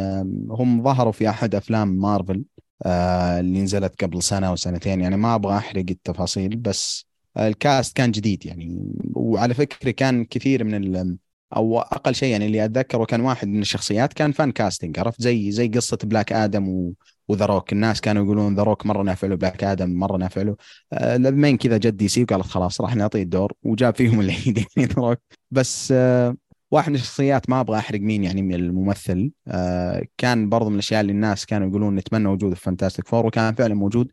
والشخصيه مرة راكبة عليه يعني. ف لا مختلف مختلف آه تماما عن الآخر فيلم ال Fantastic Four. والله صراحة ما يندرى عن مارفل يعني الفترة الأخيرة شفنا ال phase الأخير. يعني كان phase آه، أقل ما يقال عنه إنه سيء جدا. جدا. فما أدري وش بيسوون مع ال phase الجديد. إن شاء الله يعني يكون في تحسن خصوصا آه، أول فيلم في ال phase ما ما خاب ظني اللي هو فيلم Ant-Man بنزل هذا الأسبوع. وال villain حق الفيلم كلام كبير. ال villain اللي هو طلع في مسلسل آه لا إله إلا الله. المسلسل لوكي. حق حق لوكي. اي فيبدو إنه فعلا آه، يعني اللي أحيانا تحس مارفل إنه كذا يدخلون في phase مرة ممتازة. بعدين ال phase اللي اللي بعدها تكون مرحلة بناء وافلامها تكون سيئة. يعني مثلا لما أتكلم عن ال phase الأول كانت مرة ممتازة آه، بعدين ال phase الثاني كانت مرة سيئة. آه، جانا ال phase الثالث كان كويس آه، والسلسلة تنعاد. فنتمنى إن شاء الله إن أفلامهم القادمة تكون ممتازة. يعني حتى في كلام جالس يطلع عن Secret Wars إنه راح يكون شيء فاخر جدا و... أو Secret Invasion ما ما يحضرني اسمه صراحة بس. Secret Invasion اللي هو راح يكون له علاقة في الشخصيات اللي طلعت مع كابتن مارفل يعني. بس ما أتوقع راح تكون موجودة صح؟ اي ما تكون لا. اي تمام. أهم شيء ما تكون موجودة هذيك بس والأمور بإذن الله بخير. حلو. حلو. طيب الخبر اللي بعده؟ عندي الخبر طال عمرك. آه في فيلم جديد اسمه جانر حيكون بطولة آه لوك هامسورث والشرير حيكون مورغان فريمان. الفيلم من إخراج ديمتري ليجو ليجوديثس حيكون تصوير تصوير إن شاء الله في ألاباما. آه، الفيلم يحكي قصة عميل سابق. عنده أكيد لازم عنده مهارات قتالية عالية. لازم كل كل العملاء ممتازين. تصير في تعارض مع رئيس عصابة بعد أه اختطاف أبنائه في رحلة الصيد فيضطر الرجال ي- يرجع. على قولهم يرجعونه لل... للصياعة من جديد. أنا ما أدري صراحة بس آه، أنا وا- متأكد مليون بالمية إن الفيلم بيطلع قمامي من الدرجة الأولى ومن الدرجة الفاخرة بعد. يعني لو تشوف المخرج لو تشوف آخر عمل سواه اللي هو فيلم آه، اسمه جيجيتسو من جوجيتسو. من بطولة نيكولاس كيج وتقييماته صراحة لا أحكي لك يعني تقييمه 2.9 أنا ما أدري. لو أطلع بكاميرا جوالي وأصور لي فيلم مستحيل يجيب 2.9 فواضح إن المخرج لك عليه المخرج من. القصة الأفلام كلها يعني تقييماتها سيئة فما ما تأمل شيء كبير عن الفيلم يعني. لا وعنده سلسلة أفلام كيك بوكسر يعني أوه شفت واحد له فيلم كيك بوكسر اللي بالسجن؟ لا يا شيخ. آه أنا آسف أوكي. عرفته. مأساة عرفت الممثل. عرفت المخرج. فسوي نفسك إنك ما سمعت عن الفيلم واسحب نعم. عليه يعني. نعم. يفضل. تمام حلو. آه، الخبر اللي بعده عندي يقول لك آه، كشفت مصادر صحيفة أن الكومبارس المتواجدين في فيلم الجوكر الثاني يتشكون من عدة أمور خلال مرحلة إنتاج الفيلم. وأبرزها أن العمل يعني لأكثر من ساعتين دون توقف وعدم السماح لهم باستخدام دورة المياه وأنتم كرامة أو شرب الماء أثناء التصوير في استديوهات وارنر براذرز آه، إيش رأيكم في الخبر؟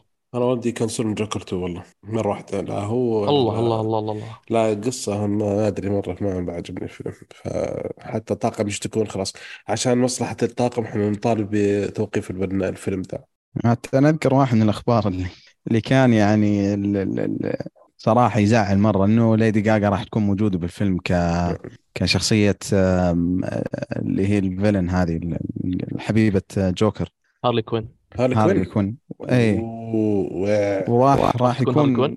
اي فرق أتوقع كبير من بين اي بس الشيء اللي شوي ممكن يكون يزعل ويبسط الواحد نفس الوقت إنه جابوه لأنه راح يكون في أغاني لها في الفيلم عرفت؟ راح يكون. في توجه عشان كذا لك musical.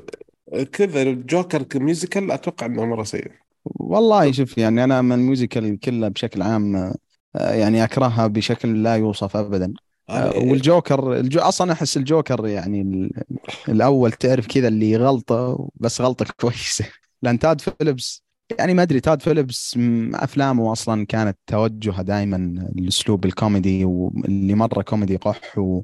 و rated R أشياء وكذا. بعدين لما جاء في الجوكر كانت آه، غلطة كويسة. بعدين شكله راح في, جوكر ثاني راح يرجع لأفلامه. وترى دائما يعني هو يجيب العيد في, في ال sequels يعني الأشياء التكملة. يعني ما تعودنا ابدا عليه في أجزاء ثانية يكون ممتاز. فما أدري ننتظر ونشوف. لعله إن شاء الله يكون شيء جيد.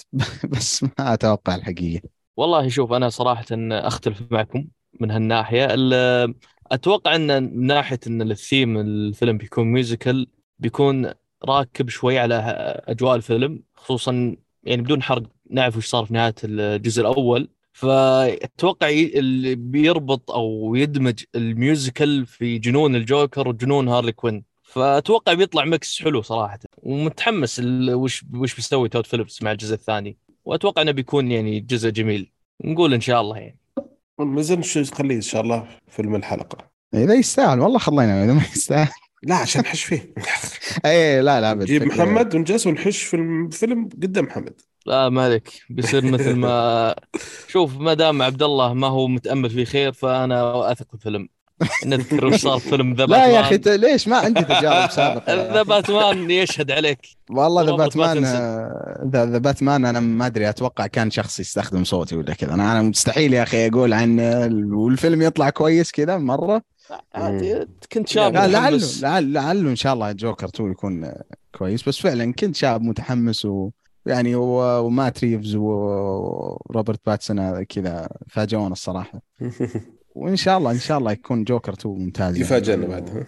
إن شاء الله يفاجئنا بس ما أتوقع الحقيقة أوكي الخبر الجاي عندك يا عبد الله؟ آه، الخبر الجاي يقول لك شركة آه، أكبو آه، أعلنوا أنهم راح يشتغلون على فيلم من إنتاج نتفلكس بعنوان بعنوان The Electric State الفيلم من بطولة آه، ميلي بوبي براون اللي هي ال 11 في Stranger Things ومن إخراج الأخوين روسو اللي سووا لنا أفلام Endgame و Infinity War و Winter Soldier كابتن أمريكا آه شيء صراحة يعني ما أدري أنا تتحمس يا أخي تخاف تتحمس يكون زي مثلا أفلام ال Russo Brothers من بعد من بعد ما طلعوا من من مارفل. لأن صراحة أعمالهم بالنسبة لي سواء الأشياء اللي انتجوها أو كانت من إخراجهم كلها كانت أشياء أقل بكثير من اللي كان متوقع. يعني اولا مع كان مع فيلم كريس هيمزورث آه، اللي هو Extraction وبعدين فيلم Cherry اللي مع اللي مع Apple TV كل أشياء بالنسبة لي كانت أقل من المتوقع ولكن ننتظر نشوف الفيلم هذا لعله إن شاء الله يكون شيء آه، لا تنسى افضل الفيلم الفيلم ممتاز Gray Man بعد. كيف؟ فيلم Gray Man. Gray Man. ما اللي ادري كان من ت... ما تابعت الفيلم اللي آه، راين جوسلينج كريس إيفنز. آه ذا Gray Man أوه لا لا خلاص قفل الموضوع. والله هذا الفيلم من كثر ما هو سيء راح عن بالي أصلا يعني تعرف كذا اللي حذفته من ذاكرتي. delete delete delete. بس أذكر بدر كان فيلم Extraction بالنسبة لك أنا أذكر لما تكلموا الشباب عنه. كان آه، أذكر كان انطباعك إيجابي عنه ولا؟ جدا. جدا آه. جدا. أنا كنت لأن أول شيء داخل الفيلم ماني متوقع منه أي شيء اطلاقا. وداخل ال mood اللي أنا أبغى فيلم اكشن آه، بس كذا فهمت؟ وكان حقق لي كل الأشياء اللي أبغاها. ف... والله شوف أنا لعله جميل. لعله بس إنه كفيلم ممت يعني ك تعرف الفيلم اللي أنت ما داخل لا تبي حبكة ولا تبي آه آه قصة ولا تبي تطور شخصيات ولا تبي بس تبي شوية أكشن طق وزي كذا فكان مستوى كويس آه في كم لقطة بالتصوير جميلة جدا ال ال stunt لا فعلا ال cinematography stunt كان قوي. من- اي أذكر أصلا اللي أخرج الفيلم كان كان stunt من قبل صح؟ كان إي إي حق. اي فهذا شيء يعني فعلا كابتن يحسب America. الفيلم. اي فكان والله؟ صراحة فعلا الشيء اللي يحسب الفيلم صراحة المشاهد الحركة وكذا لا، فيه كانت جميله أقول لك كان ثاني. جدا عجبني. فأي شيء ثاني أنا كذلك اللحظة يوم دخلته كانت هذا اللي أبغاه. وأعطاني إياه كاملة. شوف أنا أذكر تجربتي مع الفيلم. سمعت سمعت حلقة البودكاست سجلت معنا ذيك الفترة ومدحته الفيلم مرة. قلت أنا خلاص هذا فيلم يبدو إنه شيء فاخر. بعدين كذا دخلت الفيلم توقعات آه، أعلى من ال- الفيلم آه، أعلى من standard حق الفيلم. بعدين كانت تجربة سيئة. لكن فيلم اكشن كان فيه مشاهد اكشن جميلة بس أي شيء ثاني كان مرة ما في ولا شيء. لا في بعض الأفلام في بعض الاوقات تجيك فترة كذا آه تبي شيء معين تبي شيء معين. أبغى شيء يشغل مخي لمدة ساعة ونص بس ما أبغى أفكر ما أبغى أدقق. ما تعرف يعني اللي عادي بسط الفيلم اطلع جوالي واكتب شيء و... آه، فيلم pop. corn يعني أيوه ف و- كذا إيه. يعني اي أبغى زي كذا شيء حلو. فكان هو fit the bill على طول يعني كل النقاط اللي كنت أبغاها حققها فعشان كذا. فعلا. جميل. طيب ال- الخبر اللي بعده عندك يا بدر. حلو. آه مسلسل The Last Kingdom اللي انتهى قرروا يسوون له فيلم وحيكون اسم الفيلم سبعة ملوك يجب أن يموتوا. هو حيكون مكمل لأحداث المسلسل آه بس ما نبغى نحرق. فحيكون أساسا آه، نشروا أول شيء الصور عن هذا الفيلم. والفيلم إن شاء الله حينزل في تاريخ 14 إبريل السنة هذه. فعشاق المسلسل هذا فتحم شيء جميل جدا يشوفون آه، الفيلم ذا والله أنا ما أدري إذا في أحد منكم شاف المسلسل بس أذكر الناس اللي شافوه منهم كان آه، الله يذكر بالخير حبيبنا محمد دوسري داني بوكس. كان دائم يمدح المسلسل وكان كان شفت- عليه كلام إيجابي بشكل مرة كبير يعني آه، حتى كان أسلوبه يمكن هادي أكثر و ويمكن ما هو ما هو مثلا بالحدية أو أو بنفس الأسلوب مثلا حق فايكنجز أو أشياء زي كذا آه هذا هذا من الأشياء اللي أنت جيت على الجرح؟ وكأنك ما دريت لأنه أنا شفتها بنفس فترة فايكنج فالمسلسل الأول الموسم الأول ترى مرة مختلف كليا عن باقي المواسم. على هذا كلام أبو عمر. لأن شفت كم حلقة وقفت وما قدرت أكمله. أبو عمر قال لا لا طنش الموسم الأول. يعني مشي الموسم الأول شوف الموسم الثاني تستاهل. بس المشكلة أنه كان في ذاك الوقت كان في شيء اسمه فايكنج أنا كنت متفرج عليه متأخر. فهل أكمل فايكنج ولا أشوف ذا؟ فكان فبين وبينك فايكنج كان شادني أكثر فكملت وطنشت المسلسل ذا. بس الحين بما انه آه. انتهى في فرصة يمكن أرجع له. يمكن أعطيه فرصة. ولا أبو عمر ترى كان يمدح فيه واجد. يعني أنت لا لا إن شاء الله إن شاء. الله. إن شاء الله أنا كلام أبو أنا عمر صراحة. أنا ونفس الشيء محمد الله يذكرهم بالخير. لا ال ال أنا يمكن Vikings يمكن تفرجت على أول كم حلقة. يا أخي كان يعني من الأشياء اللي اللي ما حبيتني من المسلسل إنه كان تحسه يا أخي over the top مرة يعني بعض المشاهد التمثيلية وكذا ما يعني ما ركب معي عرفت. بس The Last Kingdom دائما يا أخي المدح عليه شيء شيء كبير ودائما فعلا زي ما قلت إنه يقولون أسلوبه يمكن في الموسم الأول شوي ثقيل وبعدين يتطور. تحسه كذا يتكلمون عن The Wire إيوه. بس آه، إن شاء الله إن شاء الله ناوي اشوفه وعلى ما أذكر يعني إنه موجود في كثير من ال streaming services The Last Kingdom يعني. ف إيه. هو موجود فرصة. في أعظم واحدة منهم وأفضلهم يعني فالواحد ما له عذر. جميل. طيب آه، في آخر خبر عندنا آه، يقول لك نجم آه، فان ديزل في إحدى حط المقابلات. تحت النجم تحت النجم هذه حط عليه 25 خط. هو نجم بس نعم. يقول لك آه، إنه واحد في واحدة من المقابلات قال لنا يعني إن روبرت داوني جونيور هو النجم الذي يحلم بضم سلسله Fast and Furious في الفيلم الأخير حيث صرح ديزل إن لديه دور محدد للممثل في الفيلم يكون مناسب له.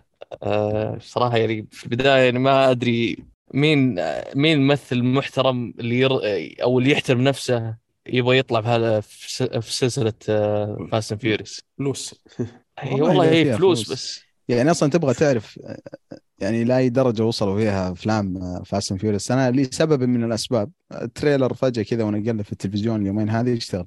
يعني المتردي والنطيحة في هوليوود كلهم موجودين في الفيلم هذا. بري لارسن على فان ديزل على ال- ال- الرابر هذاك يا أخي نسيت اسمه القديم مرة آه، لودر لود Ludacris. إي إي إي يعني على مجموعة ما ودك تتفرج عليهم عرفت؟ بس آه، من روبرت داوني جونيور ترى من بعد من بعد Endgame ما طلع في فيلم يعني تقريبا له ثلاث سنوات إلا Dolittle.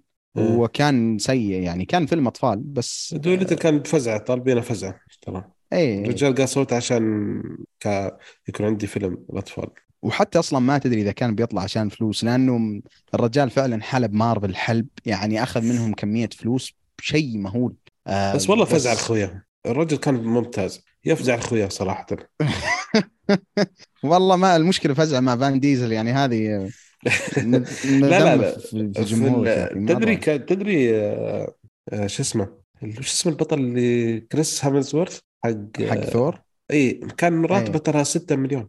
كريس إيفنز 10 وكريس 6 وسكارلت 5 الظاهر وهو كان معطينه 25 إيه كان. يا إيه، رجل أنا ف- أذكر في فيلم سبايدر مان الأول اللي طلع فيه كم دقيقة إيه. أخذ أك- أخذ أكثر تقريبا أكيد أخذ أكثر من مجموع الممثلين يمكن كلهم طلعوا في الفيلم. فالرجال آه، مع مع مع مارفل يعني ما- مرة يعني بنك من عندهم خلاص يعني ما أدري لو كان دافعه الآن إنه يطلع أصلا عشان الفلوس ولا لا. بس والله أنا يا أخي ودي أتفرج عليه في أي شيء يعني. أي شيء طبعا باستثناء Fast and Furious يعني. أنا ودي يرجع ل- Sherlock Holmes أذكر أعلنوا إنه إنه جاي ريتشي راح يسوي الثالث بس يا سلام. تكلمنا عن جاي ريتشي مشغول يا شيخ. 6000 اي تكلمنا ترى من زمان أذكر يمكن قبل سنتين وثلاث سنوات في أحد الأخبار. الحين يبغى يسوي مسلسل. الان يبغى يسوي مسلسل The Gentlemen بعد. اللي نفس يا قصة الفيلم. يا أخي too much مشغول الرجال واحد يساعده ولا ناس. يجيبون أحد معه اذا خلصنا الأخبار. ننتقل للافلام آه، عبد الله. ننتقل. آه طيب آه، إيش رأيك نتكلم عن الفيلم اللي تفرجت عليه أنا وياك؟ آه أيوه. أبو صلاح للأسف ما حصل له الفرصة. آه فيلم سطار. حلو. آه فيلم سطار آه، من الأفلام حقيقة اللي اللي كانت مفاجأة الفترة الماضية. ويمكن هذا أتوقع أكثر عمل سعودي صار عليه كلام و... وهايب. ومشاهدات عالية جدا ومردوده في السينما كان جدا جدا كبير. آه يمكن بس نتكلم عن الأفلام السعودية بشكل عام يمكن أكثر عمل من بعد طاش ما طاش شفت الناس تتكلم عنه كذا وردة فعلهم عليه. آه يعني الرد ردود الأفعال كانت جدا كثيرة. آه طيب الفيلم من بطولة آه إبراهيم الحجاج وإبراهيم الخير الله و- وآخرون. آم، الفيلم يتكلم عن واحد من يوم كان صغير. آم، وهو حلمه يكون مصارع. وطبعا آه، بحكم أن المصارعة ما في مجال لصناعة المصارعة عندنا هنا. فيكمل حياته ويشتغل في أحد الشركات. بعدين آه، تحصل له الفرصة بطريقة أو بأخرى إنه يدخل عالم المصارعة ولكن عالم المصارعة زي ما تقول underground يعني ال- اللي يدار عن طريق مثلا عصابة أو شيء زي كذا. آه، ما أدري هذا لو وصف أقدر أوصف فيه الفيلم بدون ما أحرق بدر ولا؟ صدقت أبوي هذا كذا وصف الصحيح للفيلم. آه طيب. خلينا نبدأ بالإيجابيات. تبدأ بدر ولا أبدأ أنا؟ لأنه تفضل أنت وأنا بعدك. والله أنت حطيت الموقف محرج لأنه صراحة أقول لك الإيجابيات. طب خليني أقول الإيجابيات أنا عندي. طيب أنا يا ليت. والله. okay يا ليت. عندك سلبيات واجد. خلاص أنا عندي سلبيات وعندي إيجابيات فأعطيك الإيجابيات. أول شيء الكوميديا. الكوميديا يا جميلة سلام. لأنها موجهة للسعوديين وأي واحد في السعودية يفهمها. وفي نكت كثيرة آه، الشباب والسعوديين تصلح لهم. يعني هذه أنا بشوفها من الناحيه هذه إيجابية حلو؟ لأن المتلقي هو سعوديين فهذا واحد من النقاط أوكي؟ آه التمثيل كان جميل من اغلب الأشخاص. آه في عبد العزيز الشهري صراحة آه الشخصية اللي طلعها لنا من كثر ما هي مزعجتني شدتني طول الفيلم أسلوبه وطريقة كلامه زي كذا يا أخي ما ودك تقعد معاه صراحة ما بيوخر يا أخي. فلا بس صراحة جميل جدا. أه ولا بعد نفس الشيء إبراهيم حجاج ترى يعني نوعا ما أسلوبه ما أدري كيف في الكوميديا. تطلع منه كوميديا بس شكله مو باين عليه إنه كوميدي ابدا اطلاقا وإبراهيم خير الله صراحة الدور اللي جاء كان جدا رائع. أول ما شاف الناس كلهم على وعلى فكرة ولا أصلاً. بدر الفيلم الفيلم من كتابة إبراهيم الخير الله و... وأيمن آم، وطار. أنا الاسماء طالع عندي بالإنجليزي فما أي أيمن نطر هذا كاتب مصري كاتب أي. افلام مصري. الفكرة حلوة صراحة. زين المتعاون يكتبون يعني. برضو من إخراج عبد الله العراك اللي هو مخرج آه، كويتي. أي هنا. فا أي أنا أتفق معك حقيقة في آه، أغلب الإيجابيات اللي قلتها. آه، أي. ما أدري لو عندك شيء تضيفه على الإيجابيات أنا حقيقه ما عندي شيء آه، أضيفه أكثر من. صراحة يعني من الأشياء الزينة إن آه، التصوير كان جميل يعني الإخراج كتصوير كان جميل جدا لقطات الأشياء ال- آه، زي ما قلت العالم آه، غير المصارعة غير محترفة اللقطات اللي فيها كانت مرة جميلة جدا. آه، الشخصيات اللي جابوها آه، على إنه يعني يعني في شخصيات جت لمدة دقيقة واحدة وراحت بس إنها كان صراحة ك- كشكلا كفكرة كانت جميلة جدا. حلو. في كم لقطة أكشن كانت يعني صوت بطريقة حلوة وجميلة. ف يعني تقريبا وصراحة الفيلم من بداية لنهايته يعني كان مستواه واحد ما فيه اللقطات في بعض الأفلام بعض الأفلام الكوميدية آه، تطلع تنزل زي كذا على أسلوبه واحد. وما فيه النكت البايخة ولا الكوميديا السخيفة. كانت جميلة كلها عموما يعني. فكانت كان كوميديا ترى جميل جدا صراحة بالنسبة لي. هذه الإيجابيات اللي عندي. أتفق معك. أنا يمكن لو أبغى ألخص تجربة الفيلم فيلم ممتع آه، ممتع من الدرجة الأولى الصراحة وخاصة لأن إحنا سعوديين بحكم إنه ما تعودنا إنه نشوف بالسينما إنه نشوف تمثيل لنا وفي قصص. و- وتشوف ال inside jokes يمكن اللي ما حد يفهمها حتى من ال... من العربي يمكن باستثناء السعوديين. آم، شوية خليجية أو أو اي أو حتى يمكن الخليجيين أو حتى أقدر أقول يمكن الناس اللي عاشوا معنا حتى يمكن بعض النكت مو كل الخليجيين آه، يفهمون. فهذا يمكن الإيجابية الكبيرة في الفيلم بالنسبة لي. آه، طيب عندك شيء إضافة ولا نروح للسلبيات؟ آه لا خلاص طيب. كذا طيب آه، ببدأ أنا بالسلبيات. آم، واحدة من أهم وأكبر السلبيات في الفيلم آه، وأتذكر الشباب تكلموا عنها لما لما تكلمنا في في في حلقة أفلام السنة يمكن ركان ذكره أو حتى أبو صلاح لما كان يتكلم عن الخلاط إنه ال- الجانب النسائي جدا جدا جدا جدا سيء في الفيلم. جدا سيء في الفيلم. يعني انه إنه ترى الشخص اللي اللي اللي يكون يعني في ال social media هذا ما يعني أوتوماتيك إنه ممثل ابدا. ما له أي علاقة بتاتا البتة. يعني لما أتكلم عن الحجاج وإبراهيم الخير الله أصلا هذول ما عرفناهم إلا في مجال التمثيل وبعدها يمكن راحوا إلى مجال ال social media. نعم. لكن ابدا ما ما له علاقة إن الشخص يكون معروف في ال social media يكون قعدوا يكون فترة ممثل. طويلة يا ترى يعني استواهم من عشر سنوات أو صحيح. ما كنت يعني أكثر أو أقل يعني قريبا بس إنه كانت قعدوا فترات طويلة لين ما كل واحد منهم وصل مرحلة جرب شخصيات حاول كثير لين ما وصل مرحلة خلاص يعني آه تعرف. وفي ناس كل واحد عنده قدرة يعني كتمثيل ككوميديا قدرة.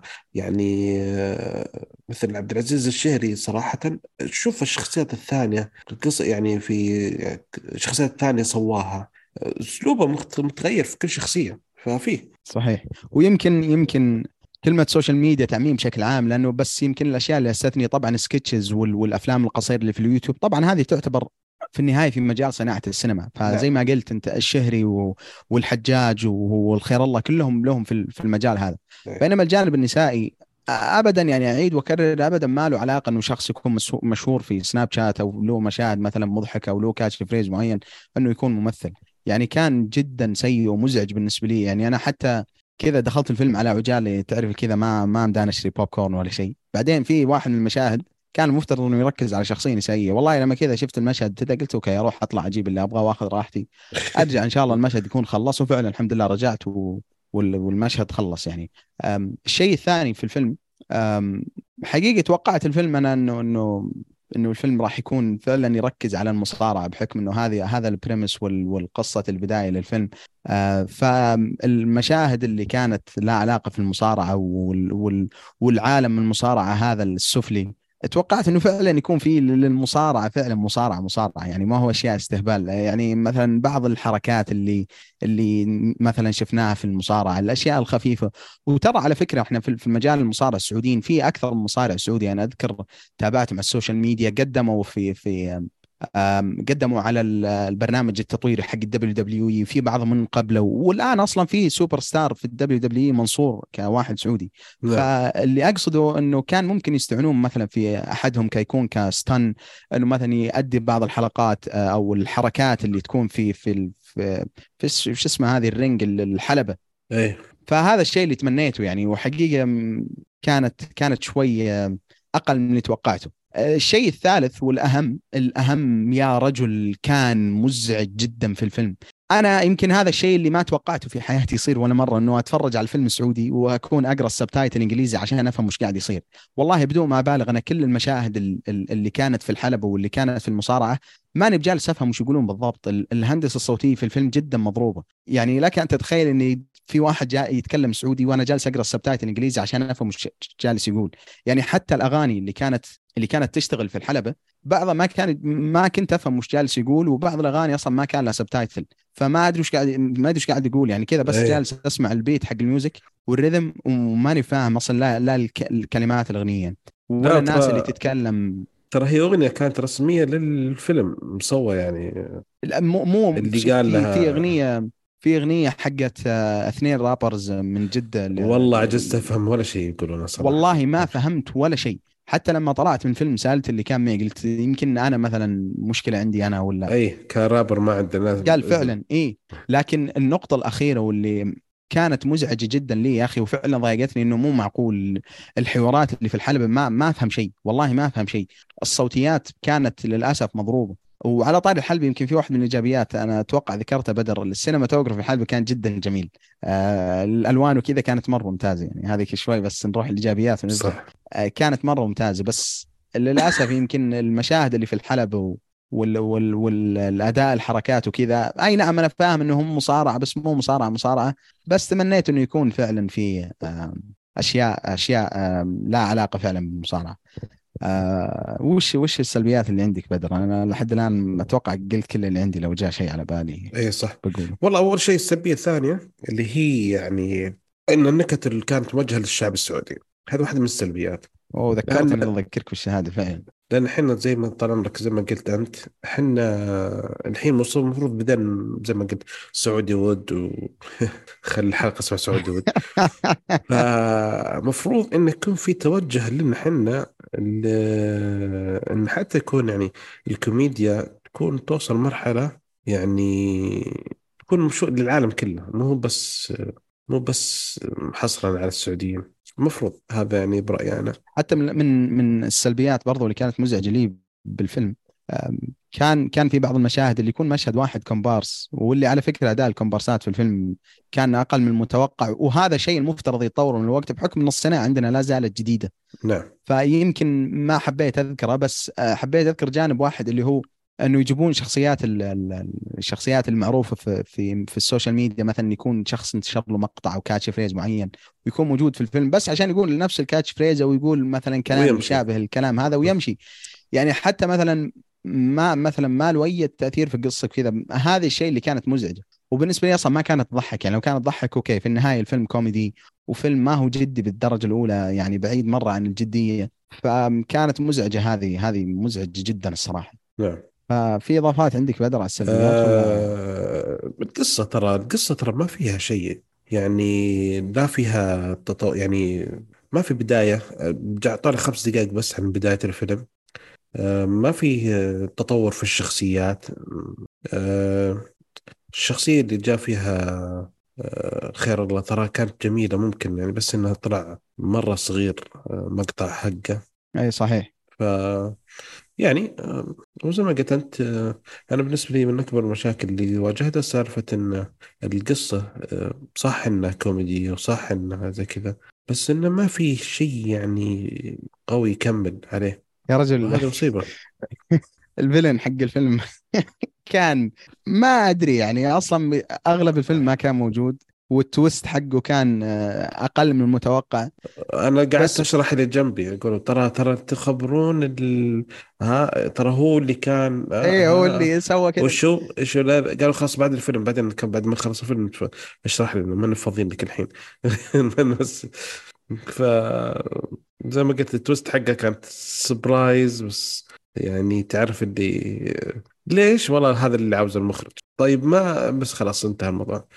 هذا اللي صار وانتهى دبر أمورك. طيب جميل. نختم السلبيات. آه، ونروح آه، طب أنا عندي سؤال بسيط تسلم أبو يعني. صلاح. الله يسلمك. آه، طب إحنا يعني من بداية الأفلام السعودية مثل شمس المعارف المسافة صفر حد الطار آه، ف- لما وصلنا هالفيلم الحين اللي هو سطار هل تشوفون أنه خطوة قدام بالنسبة للأفلام والأفلام السعودية ولا خطوة للخلف ولا ما أثر وش رأيكم يعني؟ والله شوف أنا بالنسبة لي يعني أصلا أشوف فيلم سطار ما تحطه في نفس ال ال ال الفئة حقت فيلم حد الطار ولا فيلم المسافة صفر بحكم إن هذه أفلام درامية وأفلام جدية وهذا في النهاية فيلم كوميدي للكوميديا فقط يعني زي ما ذكر واحد من السلبيات آه، بدر إنه القصة ما فيها تطور الشخصيات يمكن في شخصية البطل في جانب التطور حقه بس أحس صعب تحطه مع الأفلام هذه بحكم اختلاف الجانرا وكذا. ولكن فيلم سطار بالنسبة لي يمكن هو أكثر عمل في الصناعة السعودية حتى لما نتكلم عن مسلسلات وأفلام يمكن حتى أكثر من المسلسل حق رشاش آه، هو اللي بالنسبة لي خلى الناس تتقبل جانب الصناعة السعودية. يعني مثلا أنا أتذكر قبل كم سنة مثلا في بعض الناس لما تقول له ترى ممكن ينزل فيلم سعودي كذا والناس تروح يقول لك لا يا أخي بالعكس إحنا ننتظر السينما من سنوات طويلة بس عشان نروح ننزل نتفرج على الأفلام اللي ننتظرها تنزل تورنت أحيانا بالشهور ويمكن أحيانا توصل لفترة طويلة مرة. بس فيلم سطار بالعكس خلى فكرة إنه فيلم سعودي يكون كويس. و... و... ويكون تجربة الجمهور معه ممتع وإنه يكون القاعه فل. يا رجل لك أن تتخيل أنا تفرجت على الفيلم في ويكند وكان يوم عصر يعني. وكان يوم عصر كان وقت عصر وكانت القاعه فل فل. فهذا الشيء صراحة اللي خلاني أنبسط من الفيلم إنه تجربة الناس معه يبدو أنها إيجابية بشكل كبير ولأنه كثير من الناس وأغلب الناس ما أخذوا الفيلم بشكل جدي. وهذه الطريقة اللي اللي, أتوقع تقدر تستمتع في الفيلم بالدرجة القصوى أنه ما تاخذه بشكل جدي. ولكن الجانب اللي يحسب له إنه فعلا خلى إنه فكرة إنه فيلم سعودي يبيع تذاكر ويغطي على أفلام كبيرة. يعني مثلا من الأفلام اللي ناقشناها في بداية الحلقة فيلم Operation Fortune حق آه، Jason Statham و Guy Ritchie لما أتكلم عن. الاثنين هذول Jason Statham واحد من أكبر نجوم الأكشن في هوليوود و Guy Ritchie برضه من أكبر المخرجين يجي فيلم زي سطار آه، من أول ما نزل إلى حد الآن أتصور في اسبوعه السادس أو السابع وهو اللي يكون المركز الأول في السينما كمبيعات ويغطي على أفلام زي افاتار وغيره هذا شيء يحسب للفيلم و... نعم. و... ويفتح المجال للأعمال القادمة إنه يكون فعلا ترى أنا لما مثلا والله لما أبغى أحط budget كبير ولا كذا ما أخاف لأن لو كان العمل حقي فعلا جيد آه راح راح يرجع لي مردود مادي يخليني ما أخاف انه إنه والله أبالغ مثلا في مشاهد الأكشن أو أو مثلا في stunts وكذا. لأنه في النهاية المردود اللي أنا دفعته والاستثمار هذا حقي راح يرجع لي وبالعكس راح يرجع مع ربح ومكسب. فسطار فعلا يحسب له يحسب له الشيء الكبير الحقيقة نعم أتفق معك. هي خطوة ممتازة. آه، ترى مو بس السينما كل دائما آه، على قولهم. أنا دائما لما أتكلم مع الشباب أقول السينما ترى في أشياء هي أوسكارية. اللي بعض المخرجين يطلعون عضلاتهم يفردون عضلاتهم كيف قوة هذا يكون ممتعة كمشاهدة للمحت... يعني بس في بعض المرات يبغى الناس شيء خفيف كوميدي كذا. فهذا شيء جميل جدا لأنه نحتاج بالسينما. إحنا نفس كل النوع زي ما الناس يبغون دراما زي ما الناس يبغون أفلام آه، رسمية يبغون أكشن يبغون كوميدي يبغون كل شيء. فخطوة ممتازة اتجاه كويس. يحتاج يعني خطوة بس يعني لا زي ما قلت أخوي عبد الله الكاتب هو إبراهيم خير الله فمتعود على سكتشات فمن سكتشات إلى فيلم كامل هذا ترى قفزة قوية جدا.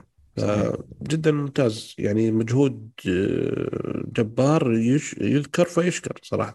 فعلا بس واحدة من النقاط اللي أبغى أذكرها إنه أنا شاهدت ناس كثير لما مثلا يتكلمون عن فيلم يتكلمون عنه بشكل إيجابي كبير جدا ولما تساءل بحكم إنه تجربتي ما كانت سيئة ابدا مع الفيلم الفيلم كان ممتع حقيقة. أه، ولكن لما مثلا تتساءل ليش إنه كثير من الناس كلامهم إيجابي يعني يقول لك والله لأنه أنا ما عندي standards معين مثلا الأفلام السعودية. فلو كان أي شيء جيد من الصناعة السعودية أنا راح أعتبره شيء ممتاز. وهذا بالعكس أنا أشوف الكلام هذا ما يساعد ابدا تطوير السينما عندنا. لأنه أنت إذا تبغى توصل للعالمية وهذا اللي فعلا سينمات كثيرة وصلت له. مثلا نتكلم يا رجل عن السينما اللبنانية. مثلا قبل ثلاث سنوات واربع سنوات كان في واحد من الأفلام اللبنانية كان مرشح للأوسكار. وهذا اللي نبغى نوصل له إن شاء الله ونحقق الجوائز هذه. فأنت لما تبغى تتطور وتوصل للعالمية والمرحلة كبيرة لابد إنه يكون standard حقك عالي. ما standard حقك ما هو يكون اللي جالس تشتغل عليه لأنه هذا ابدا ما يساعد بالتطور. ف بالعكس أنا أشوف إن الواحد عن الأفلام السعودية يعني أشوف إنه خطا إنه يعامله فقط ب ب ب بشكل إيجابي كبير مرة لأنه فقط فيلم سعودي. إيه بشكل عاطفي. لأنه حتى يعني أنا ما أدري بالنسبة لي لما أتكلم عن فيلم ما يفرق حقيقي لو كان سعودي أو أمريكي أو غيره لأنه في النهاية نتكلم عن تجربة هي ساعة ساعة ونص آه، أو ساعتين. سواء كانت إيجابية أو سلبية واللي يفرق معك إنه الطابع والتجربة اللي الفيلم يتركها معك. ما أدري أنا أشوف أستغرب حقيقة لما أتكلم عنه فيلم سعودي. لا لازم يكون كلامي إيجابي. وفعلا جانب العاطفة قد يكون هذا اللي اللي يخلي ناس كبير أو عدد كبير من الناس كلامهم يغلبوا العاطفية والإيجابية عن الأفلام حتى لو كان مستواه أقل من المتوسط. ومع إنه الأفلام السعودية لما نتكلم ترى عندنا أفلام يعني زي فيلم سطار وحد الطار.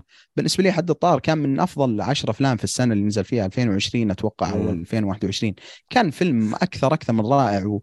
وترى يعني كثير من الوجوه اللي شفناها في الفيلم هذا كلها كانت بعضها ظهر في أعمال تلفاز 11 وبعضها كان أصلا من من الصناعة القديمة اللي كان في على وقت طاش مطاش والأعمال غيره. ف يعني إحنا أي نعم في البداية ولكن ما إحنا بصفر. يعني في أعمال نقدر نبني عليها ونقدر نتطور من عندها وإن شاء الله لحد ما نوصل العالميه بإذن الله و... وتكون السينما حقتنا زي كثير من السينمات ال... ال... الأجنبية زي الكورية والسينما برضو الصينية واليابانية. هذا هذول ناس وصلوا وصلوا للعالمية و... وما بدد يعني وفترتهم في السينما وصناعتهم ما هي بنفس الضخام وما فيها نفس الضخ المالي اللي الأمريكان جالسين يضخونه في أعمالهم. فإن شاء الله إن شاء الله يكون سطار يعني مثال مثال جيد إنه كيف إنه الأعمال السعودية آه، تقدر تكسر أرقام وتحقق أرقام في السينما وإن شاء الله نتطور من بعده ونشوف أفلام أفضل وأفضل بإذن الله. بإذن الله خصوصا يعني بإن الهلال وصل للعالمية إن شاء الله الافلام بعد توصل العالمية. والله أنا أشوف إنه يعني في مقياس سواه قبله بكم 23 سنة يعني وصل للعالمية وراح هناك وشرفنا ورجع يعني. بس ف... عالميه بالعافيه عن عالمية تفرق يعني بس. شباب. والله شوف هي كلها عالميات وإحنا حبايب والكورة شباب حلوين. لا سوا خلينا على الأفلام. أوكي يعطيكم العافية. نرجع خلونا على الأفلام. أوكي صراحة أنا أنا أنصح بالمشاهده يعني كل آه ذكرنا الاسئله الأسئلة المعتادة. إيه. بدر نبدأ مع السؤال اوه صح سوري صح إيه إيه. نسيت. الفيلم حفظت. الحمد لله يعني ما ما في ما في. ذكرتني بالعكس أنا ناسي أصلا. الفيلم ما في آه، تعري ولا في بذاءة كلام. نعم. آه وينفع جدا للمشاهدة الجماعية. ما أدري تتفق نعم. أو لا. إي تت مرة. المشاهدة الجماعية والعائلية برضو. نعم ما في أي مشكلة. آه وننتقل للسؤال الأخير والأهم. هل تنصح بالفيلم ولا لا؟ وأتوقع بدر جاوب بدري. كان راح يكمل. أنا كان أنصح صراحة زي ما قلت آه، الفيلم ما يخلو من آه، يعني مو كامل ولكن كتجربة كاملة خطوة إيجابية في اتجاه إيجابي. فيلم كوميدي جميل أنصح فيه بقوة صراحة. أتفق. أنا يمكن قد يكون كلامي يبدو إنه تجربتي مع الفيلم ما كانت جيدة ولا ولكن بالعكس الفيلم ممتع. وأي أحد يسأل عن الفيلم أنا دائما أقول فيلم ممتع يعني آه، جدا. آه، الفيلم راح تستمتع فيه. أي نعم في بعض المشاكل اللي إن شاء الله نتطور من بعده ونوصل بإذن الله لمرحلة متقدمة في الصناعة. آه، لكن الفيلم ممتع وأنصح أنصح فيه أنصح بالمشاهدة بالسينما. يعني يلحقوا على الفيلم. ما أدري لو كان راح يكمل. الفيلم الآن له شهر ونص يمكن أو شهرين في السينما. فألحقوا عليه في السينما. ودائما يعني الواحد يحرص إن الافلام السعودية لو كان متحمس للفيلم ما ينتظر مثلا إنه ينزل على خدمة بث وكذا. يا أخي روح شوف الفيلم في السينما يعني. يعني تخيل إنك حاضر كذا المباراة يا أخي لفريقك يعني تدعمهم والناس يستاهلون. والله عاد تصدق أنا كنت رايح آه بروح أشوف فيلم آه ثاني. ويوم وصلت هناك آه قالوا لا مو موجود. ففي الفيلم بلين قلت لا ما أبغى أشوف Plane. خلونا ندخل سطار. والحمد لله إني دخلت سطار صراحة. أزين من Plane. لا تجربة ممتعة. وأنا متحمس أسمع رأيكم عن التجربة الثانية للصناعة السعودية فيلم الخلاط plus آه عندك الفيلم يا أبو صلاح ولا لا؟ إيه آه، الفيلم خلاط آه، plus آه، بشكل عام. قصة أو يعني structure حق الفيلم نفس اللي صار مثل مثل اليوتيوب اللي إحنا متعودين عليه في الخلاط. مجموعة من القصص القصيرة المرتبطة مع بعض. فبس هالمرة جاب إنتاج أفضل إنتاج أعلى من نتفليكس والفيلم كان بإخراج فهد العماري وبطولة عبد العزيز الشهري فهد البتيري وصهيب قدس وآخرون. ففي البداية يعني إيجابيات الفيلم. لاحظنا يعني من بداية إن لمسة نتفلكس نتفلكس كانت واضحة في الفيلم. من ناحية الإنتاج كان الإنتاج عالي جدا مقارنة في اللي كان يصير في اليوتيوب. فهذا كان أول شيء. فمن ناحية القصص كان هو عبارة عن أربع قصص قصيرة وكل قصة تقريبا نص ساعة تقريبا. فصراحه أنا يعني طلعت من الفيلم وأنا كنت راضي جدا عن المستوى الموجود وعن الكوميديا الموجودة. آه، خصوصا في القصة الأولى والأخيرة كانت الكوميديا صراحة ممتازة جدا. في القصة الأولى يعني من تمثيل آه، صهيب تمثيله كان معروف يعني الكاريزما اللي موجودة عند صهيب ما يحتاج. يا أخي صهيب في لقطة يوم مسك يده أنا ضحكت بكل قلبي صراحة. وجهه وردة فعله والأكشن كله تصوير منطقي. اللقطة ذي كانت جدا جميل جدا صراحة. أتفق. هي ولقطة آه، فهد اسمه إسماعيل الحسن اي كان هذه أنا اللي أفتى من نفسه. اللي الله لا, لا يحط مسلم في هالموقف. أي والله العظيم صدقت. فصراحه الكوميديا حلوة. يعني أنت ذكرت نقطة في السلبيات يا بدر إن الكوميديا يعني كانت ممكن مخصصة للسعوديين في فيلم سطار أي أنا في البداية هي في الكوميديا في الإيجابية كانت هي إيجابية. إي بس, بس بنفس الوقت سلبية نفس الوقت. إي نعم. أنا ما أنا آه، رأيي شخصيا في هالفيلم أنا أشوف الكوميديا تصلح آه، لكل الناس. يعني خصوصا العرب بشكل آه، أدق. اي كل واحد يقدر يتابع الفيلم ويفهم الأشياء والمواضيع اللي قاعد يتكلم عنها بحيث. ما ينقصه شيء. بالنسبة للخلاط أتفق معك. ما ما هو موجه للسعوديين. فهذا يعني هو كمثلا ممكن السعوديين يمكن في يكون ارتباط أكثر بس بشكل عام ابدا ما ينقص من آه، التجربة اللي تابعة من جنسيات ثانية نعم. ابدا ما في أي نعم. نقصان حتى بعد القصة الأخيرة بعد آه، مع التمثيل المبدع آه، عبد العزيز الشهري أه والله الشخصية اللي تقمصها صراحة أكثر من رائعة وقدر يعني يبيع الشخصية بالنسبة لي وفعلا إنها يعني زي أبوه عنده عائلة والأحداث اللي صارت في الجزء الأخير من الفيلم حتى ما ما يحتاج صارت زي الميمز انتشرت يعني. وهذا يعني يبين لك بعد يعني جودة آه، تمثيل عبد العزيز الشهري وكيف إنه قدر يبيع الكوميديا صراحة. نعم. آه زي ما قلت بعد الاجابه الثانية زي ما قلنا نتفلكس جودة الإنتاج واضحة جدا. إيه. من البداية تشوف فالكوميديا كانت يعني نوعا ما متفاوتة بس في ال... خلينا نقول القصة الأولى والأخيرة هي كانت أفضل شيء. القصة الثالثة كان القصة الثانية جميلة. آه... كوميديا موقف. القصة الثالثة كان شوية آه، دراما نعم. وحماس. فصراحة آه، واحدة من الإيجابيات إن السكتشات أو القصص هذه الأربعة كل واحدة مختلفة. مضمونها وتوجهها وكل شيء. ففكرة جميلة.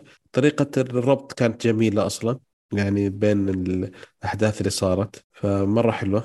تمام. أنا بس هذا اللي يعني الإيجابيات اللي عندي فوش الإيجابيات اللي عندك؟ آه خلاص نفس الشيء زي ما قلت. نفس الشيء. يعني إيه. متفقين على ال- نعم. حلو. طيب آه، من ناحية السلبيات؟ السلبيات. أول شيء أنا بالنسبة لي أنا أشوف إنها سلبية آه، مع إن الترابط كان جميل بس إنه في النهاية كانت أربع قصص مختلفة. أنا كان ودي لو إنه كان فيه آه، ربط أكثر أكثر شوية كان ممكن يصير آه، أجمل بكثير. لأن أنا صراحة أول ما شفته ترى حسبه حسبه حلقات حسب المسلسل. أه قعدت أشوف كذا و... بس جالس أناظر أقول يا أخي يا أخي ربط يعني حلو الحلقة. تبدأ الحلقة الثانية بدأت على طول بدون مقدم بدون شيء فهذا كان جميل. لين ما وصلت يمكن القصة الثانية بعدين اكتشفت لحظة يا أخي حلقاتها ولا فيلم؟ قال لا لا فيلم. فهذا شوي اللي نوعا ما آه، أشوف إنها سلبية ك إيش بعد ربي سلبية ثانية؟ كان في سلبية كنت بشوف بقولها نسيت. طب على ما تذكر السلبية أنا تفضل، بذكر إيه. سلبية من عندي اللي هي يمكن اتذكر صح. تفضل. اللي هي السلبي يعني آه، سلبيتي الأكبر هي القصة الثالثة في الفيلم أو السكتش الثالث. آه، كان درامي نعم في كوميديا في البداية كانت حلوة بس آه، كيف حتى دمجوا الكوميديا مع الدراما. بس للأسف حسيت إنه خلاص طولها ومسخت شوي في في السكتش الثالث. فهو كان بالنسبة لي الحلقة الأضعف في الفيلم. والتمثيل يعني التمثيل النسائي بعد في الجزئية هذه ما كانت يعني قد ال- المستوى. على عكس حتى ال- ال- القصة الثانية ال- التمثيل النسائي كان جميل. بس في السكتش الثالث لا للأسف. يعني هو كان أضعفهم من من كل النواحي. من ناحية التمثيل أو من ناحية ال- من ناحية الكوميديا. فهذه يعني بالنسبة لي كانت أكبر سلب سلبية في الفيلم. ترى جالس أتكلم لي خ- عشر دقائق جميل جميل. جالس أتكلم. آه، أوكي صح. نتكلم آه، زي ما قلت أنت. آه، بالنسبة لي نفس الشيء. نوعا القصة الثالثة آه، كان في هبوط شوية في التمثيل. آه، قد يكون من لأنه يعتمد آه، كان بس على آه، حجاج الحاله مع كم شخصية ثانية. آه، بس إن آه، نوعا ما آه، هذه يمكن السلبية الوحيدة اللي شفتها. آه، بس انه آه، بالنسبة لي آه، حلو الفيلم أوكي. بس أنا أتوقع شيء أفضل يعني نبغى فيلم كامل أنا صراحة.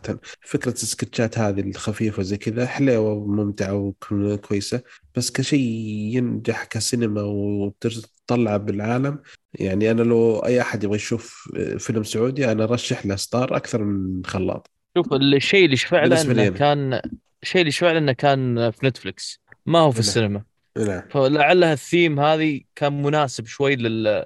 للمنصة بس ك يعني كشطحة نوعا ما ودي يعني في الأفلام السعودية بشكل عام أحس إنه خلاص غطينا. ما أقول غطينا بس تكلمنا عن موضوع الدراما والكوميديا ودي يكون في تفرع أكثر يعني نتكلم اكشن لا أكشن رعب آه عاد جريمة. عندنا كم عندنا الرعب لليل نقدر نسوي قصص الرعب لليل. وحتى يعني في أنواع من الرعب ما ما هو نوع واحد. نعم نعم. نتكلم عن psychological horror thriller اللي هو اختار slash slasher اللي هو في يعني في في أكثر من genre معينة. يجي ح- السعودي يطلع منها جميل بالضبط. صراحة. فنتمنى يعني إن شاء الله يعني مستقبل نتوسع ولا نربط نفسنا في في المجال الكوميدي أو الدرامي. ما يمنع ان شاء الله نشوف أفلام كوميدية ودرامية أفضل في المستقبل. نعم. بس ما نحكر نفسنا في النوعين هذا أو في القالب. صح. تمام. في شيء ثاني؟ لا. نروح الأسئلة. okay. الأسئلة. طيب طبعا الفيلم يعني ما يحتاج ما فيه اي ما فيه أي بذاءة كلام أو أو تعري. فيلم سعودي. آه، هل فيلم ي- يصلح للمشاهده الجماعية؟ إي نعم. حلو. أنا بعد أنا أشوف بعد يصلح جماع المشاهدة الجماعية. هل تنصح بالفيلم؟ صح وأنا بعد في أنصح فيه. إي والله صراحة جميلات وما يخلص الوقت ما تندم ابدا على الوقت اللي راح. أتفق. مين ممكن يعجب الفيلم؟ والله هي كثيرين يقدر يعجبهم لأن زي ما قلت ما هي قصة واحدة. آه، هي أربع قصص مختلفات فحاولوا يغطون أكبر قدر ممكن من كم شخصية كم شيء درامي على آه، جميل على شيء. فأنا أشوف إنه في يغطي أشياء كثيرة. يعني أي أي مجموعة آه، إحنا كنا نتفرج إحنا مجموعة كل واحد منهم كان في لقطة يعني في جزئية عجبته أكثر من ثانية. في مثلا أخوي مرة عجبته الأخيرة. أنا كنت مرة عجبتني آه معنى كان مرة عجبتها حركتها الثانية وقصتها وفكرتها وزي كذا مرة حلوة. خوينا بالنسبة للثالث كان عجبته المرحلة اللي وصلت كان يا الله شوف كان عجبته أكثر شيء. بعدين في نقطة بقول لك إياها هي اللي كانت مرة بالنسبة له. فتشوف إنه يصلح لكل شيء كثيرين يصلح له. فعلا وأكثر شيء اللي يعني اللي متابع خلاط من اليوتيوب أتوقع بيعجبه الفيلم يعني نعم. تمام. ما عندك أي شيء ثاني أي إضافة؟ الله يعطيك العافية حبيبي. هذا طيب كلامنا عن فيلم خلاط بلس. في أي إضافة يا شباب؟ عبد الله. الله يعطيكم العافية جميعا. وحلقة بنكهه السعودية وإن شاء الله تكثر الأعمال السعودية و... لأنه دائما نستمتع لما نتكلم عليهم. وما قصرتوا جميعا أنتم أبو صلاح وبدر. طبعا ما يحتاج هذا الوجيه حقنا يعني. ابد أنا ما عندي شيء أضيفه ويعطيكم الصحة كلكم جميعا. الله يخليك. يعطيكم العافية يا شباب. هذه كانت حلقة اليوم. إن شاء الله تكونوا استمتعتوا معنا زي ما استمتعنا في تسجيلها. لا تنسون تعطونا تعليقاتكم على الموقع فيسبوك وتويتر وأعطونا تقييماتكم لنا على صفحتنا في ايتونز لا تنسون تتابعونا على يوتيوب. عندنا أشياء جميلة هناك. نشوفكم إن شاء الله الحلقة القادمة على ألف ألف خير.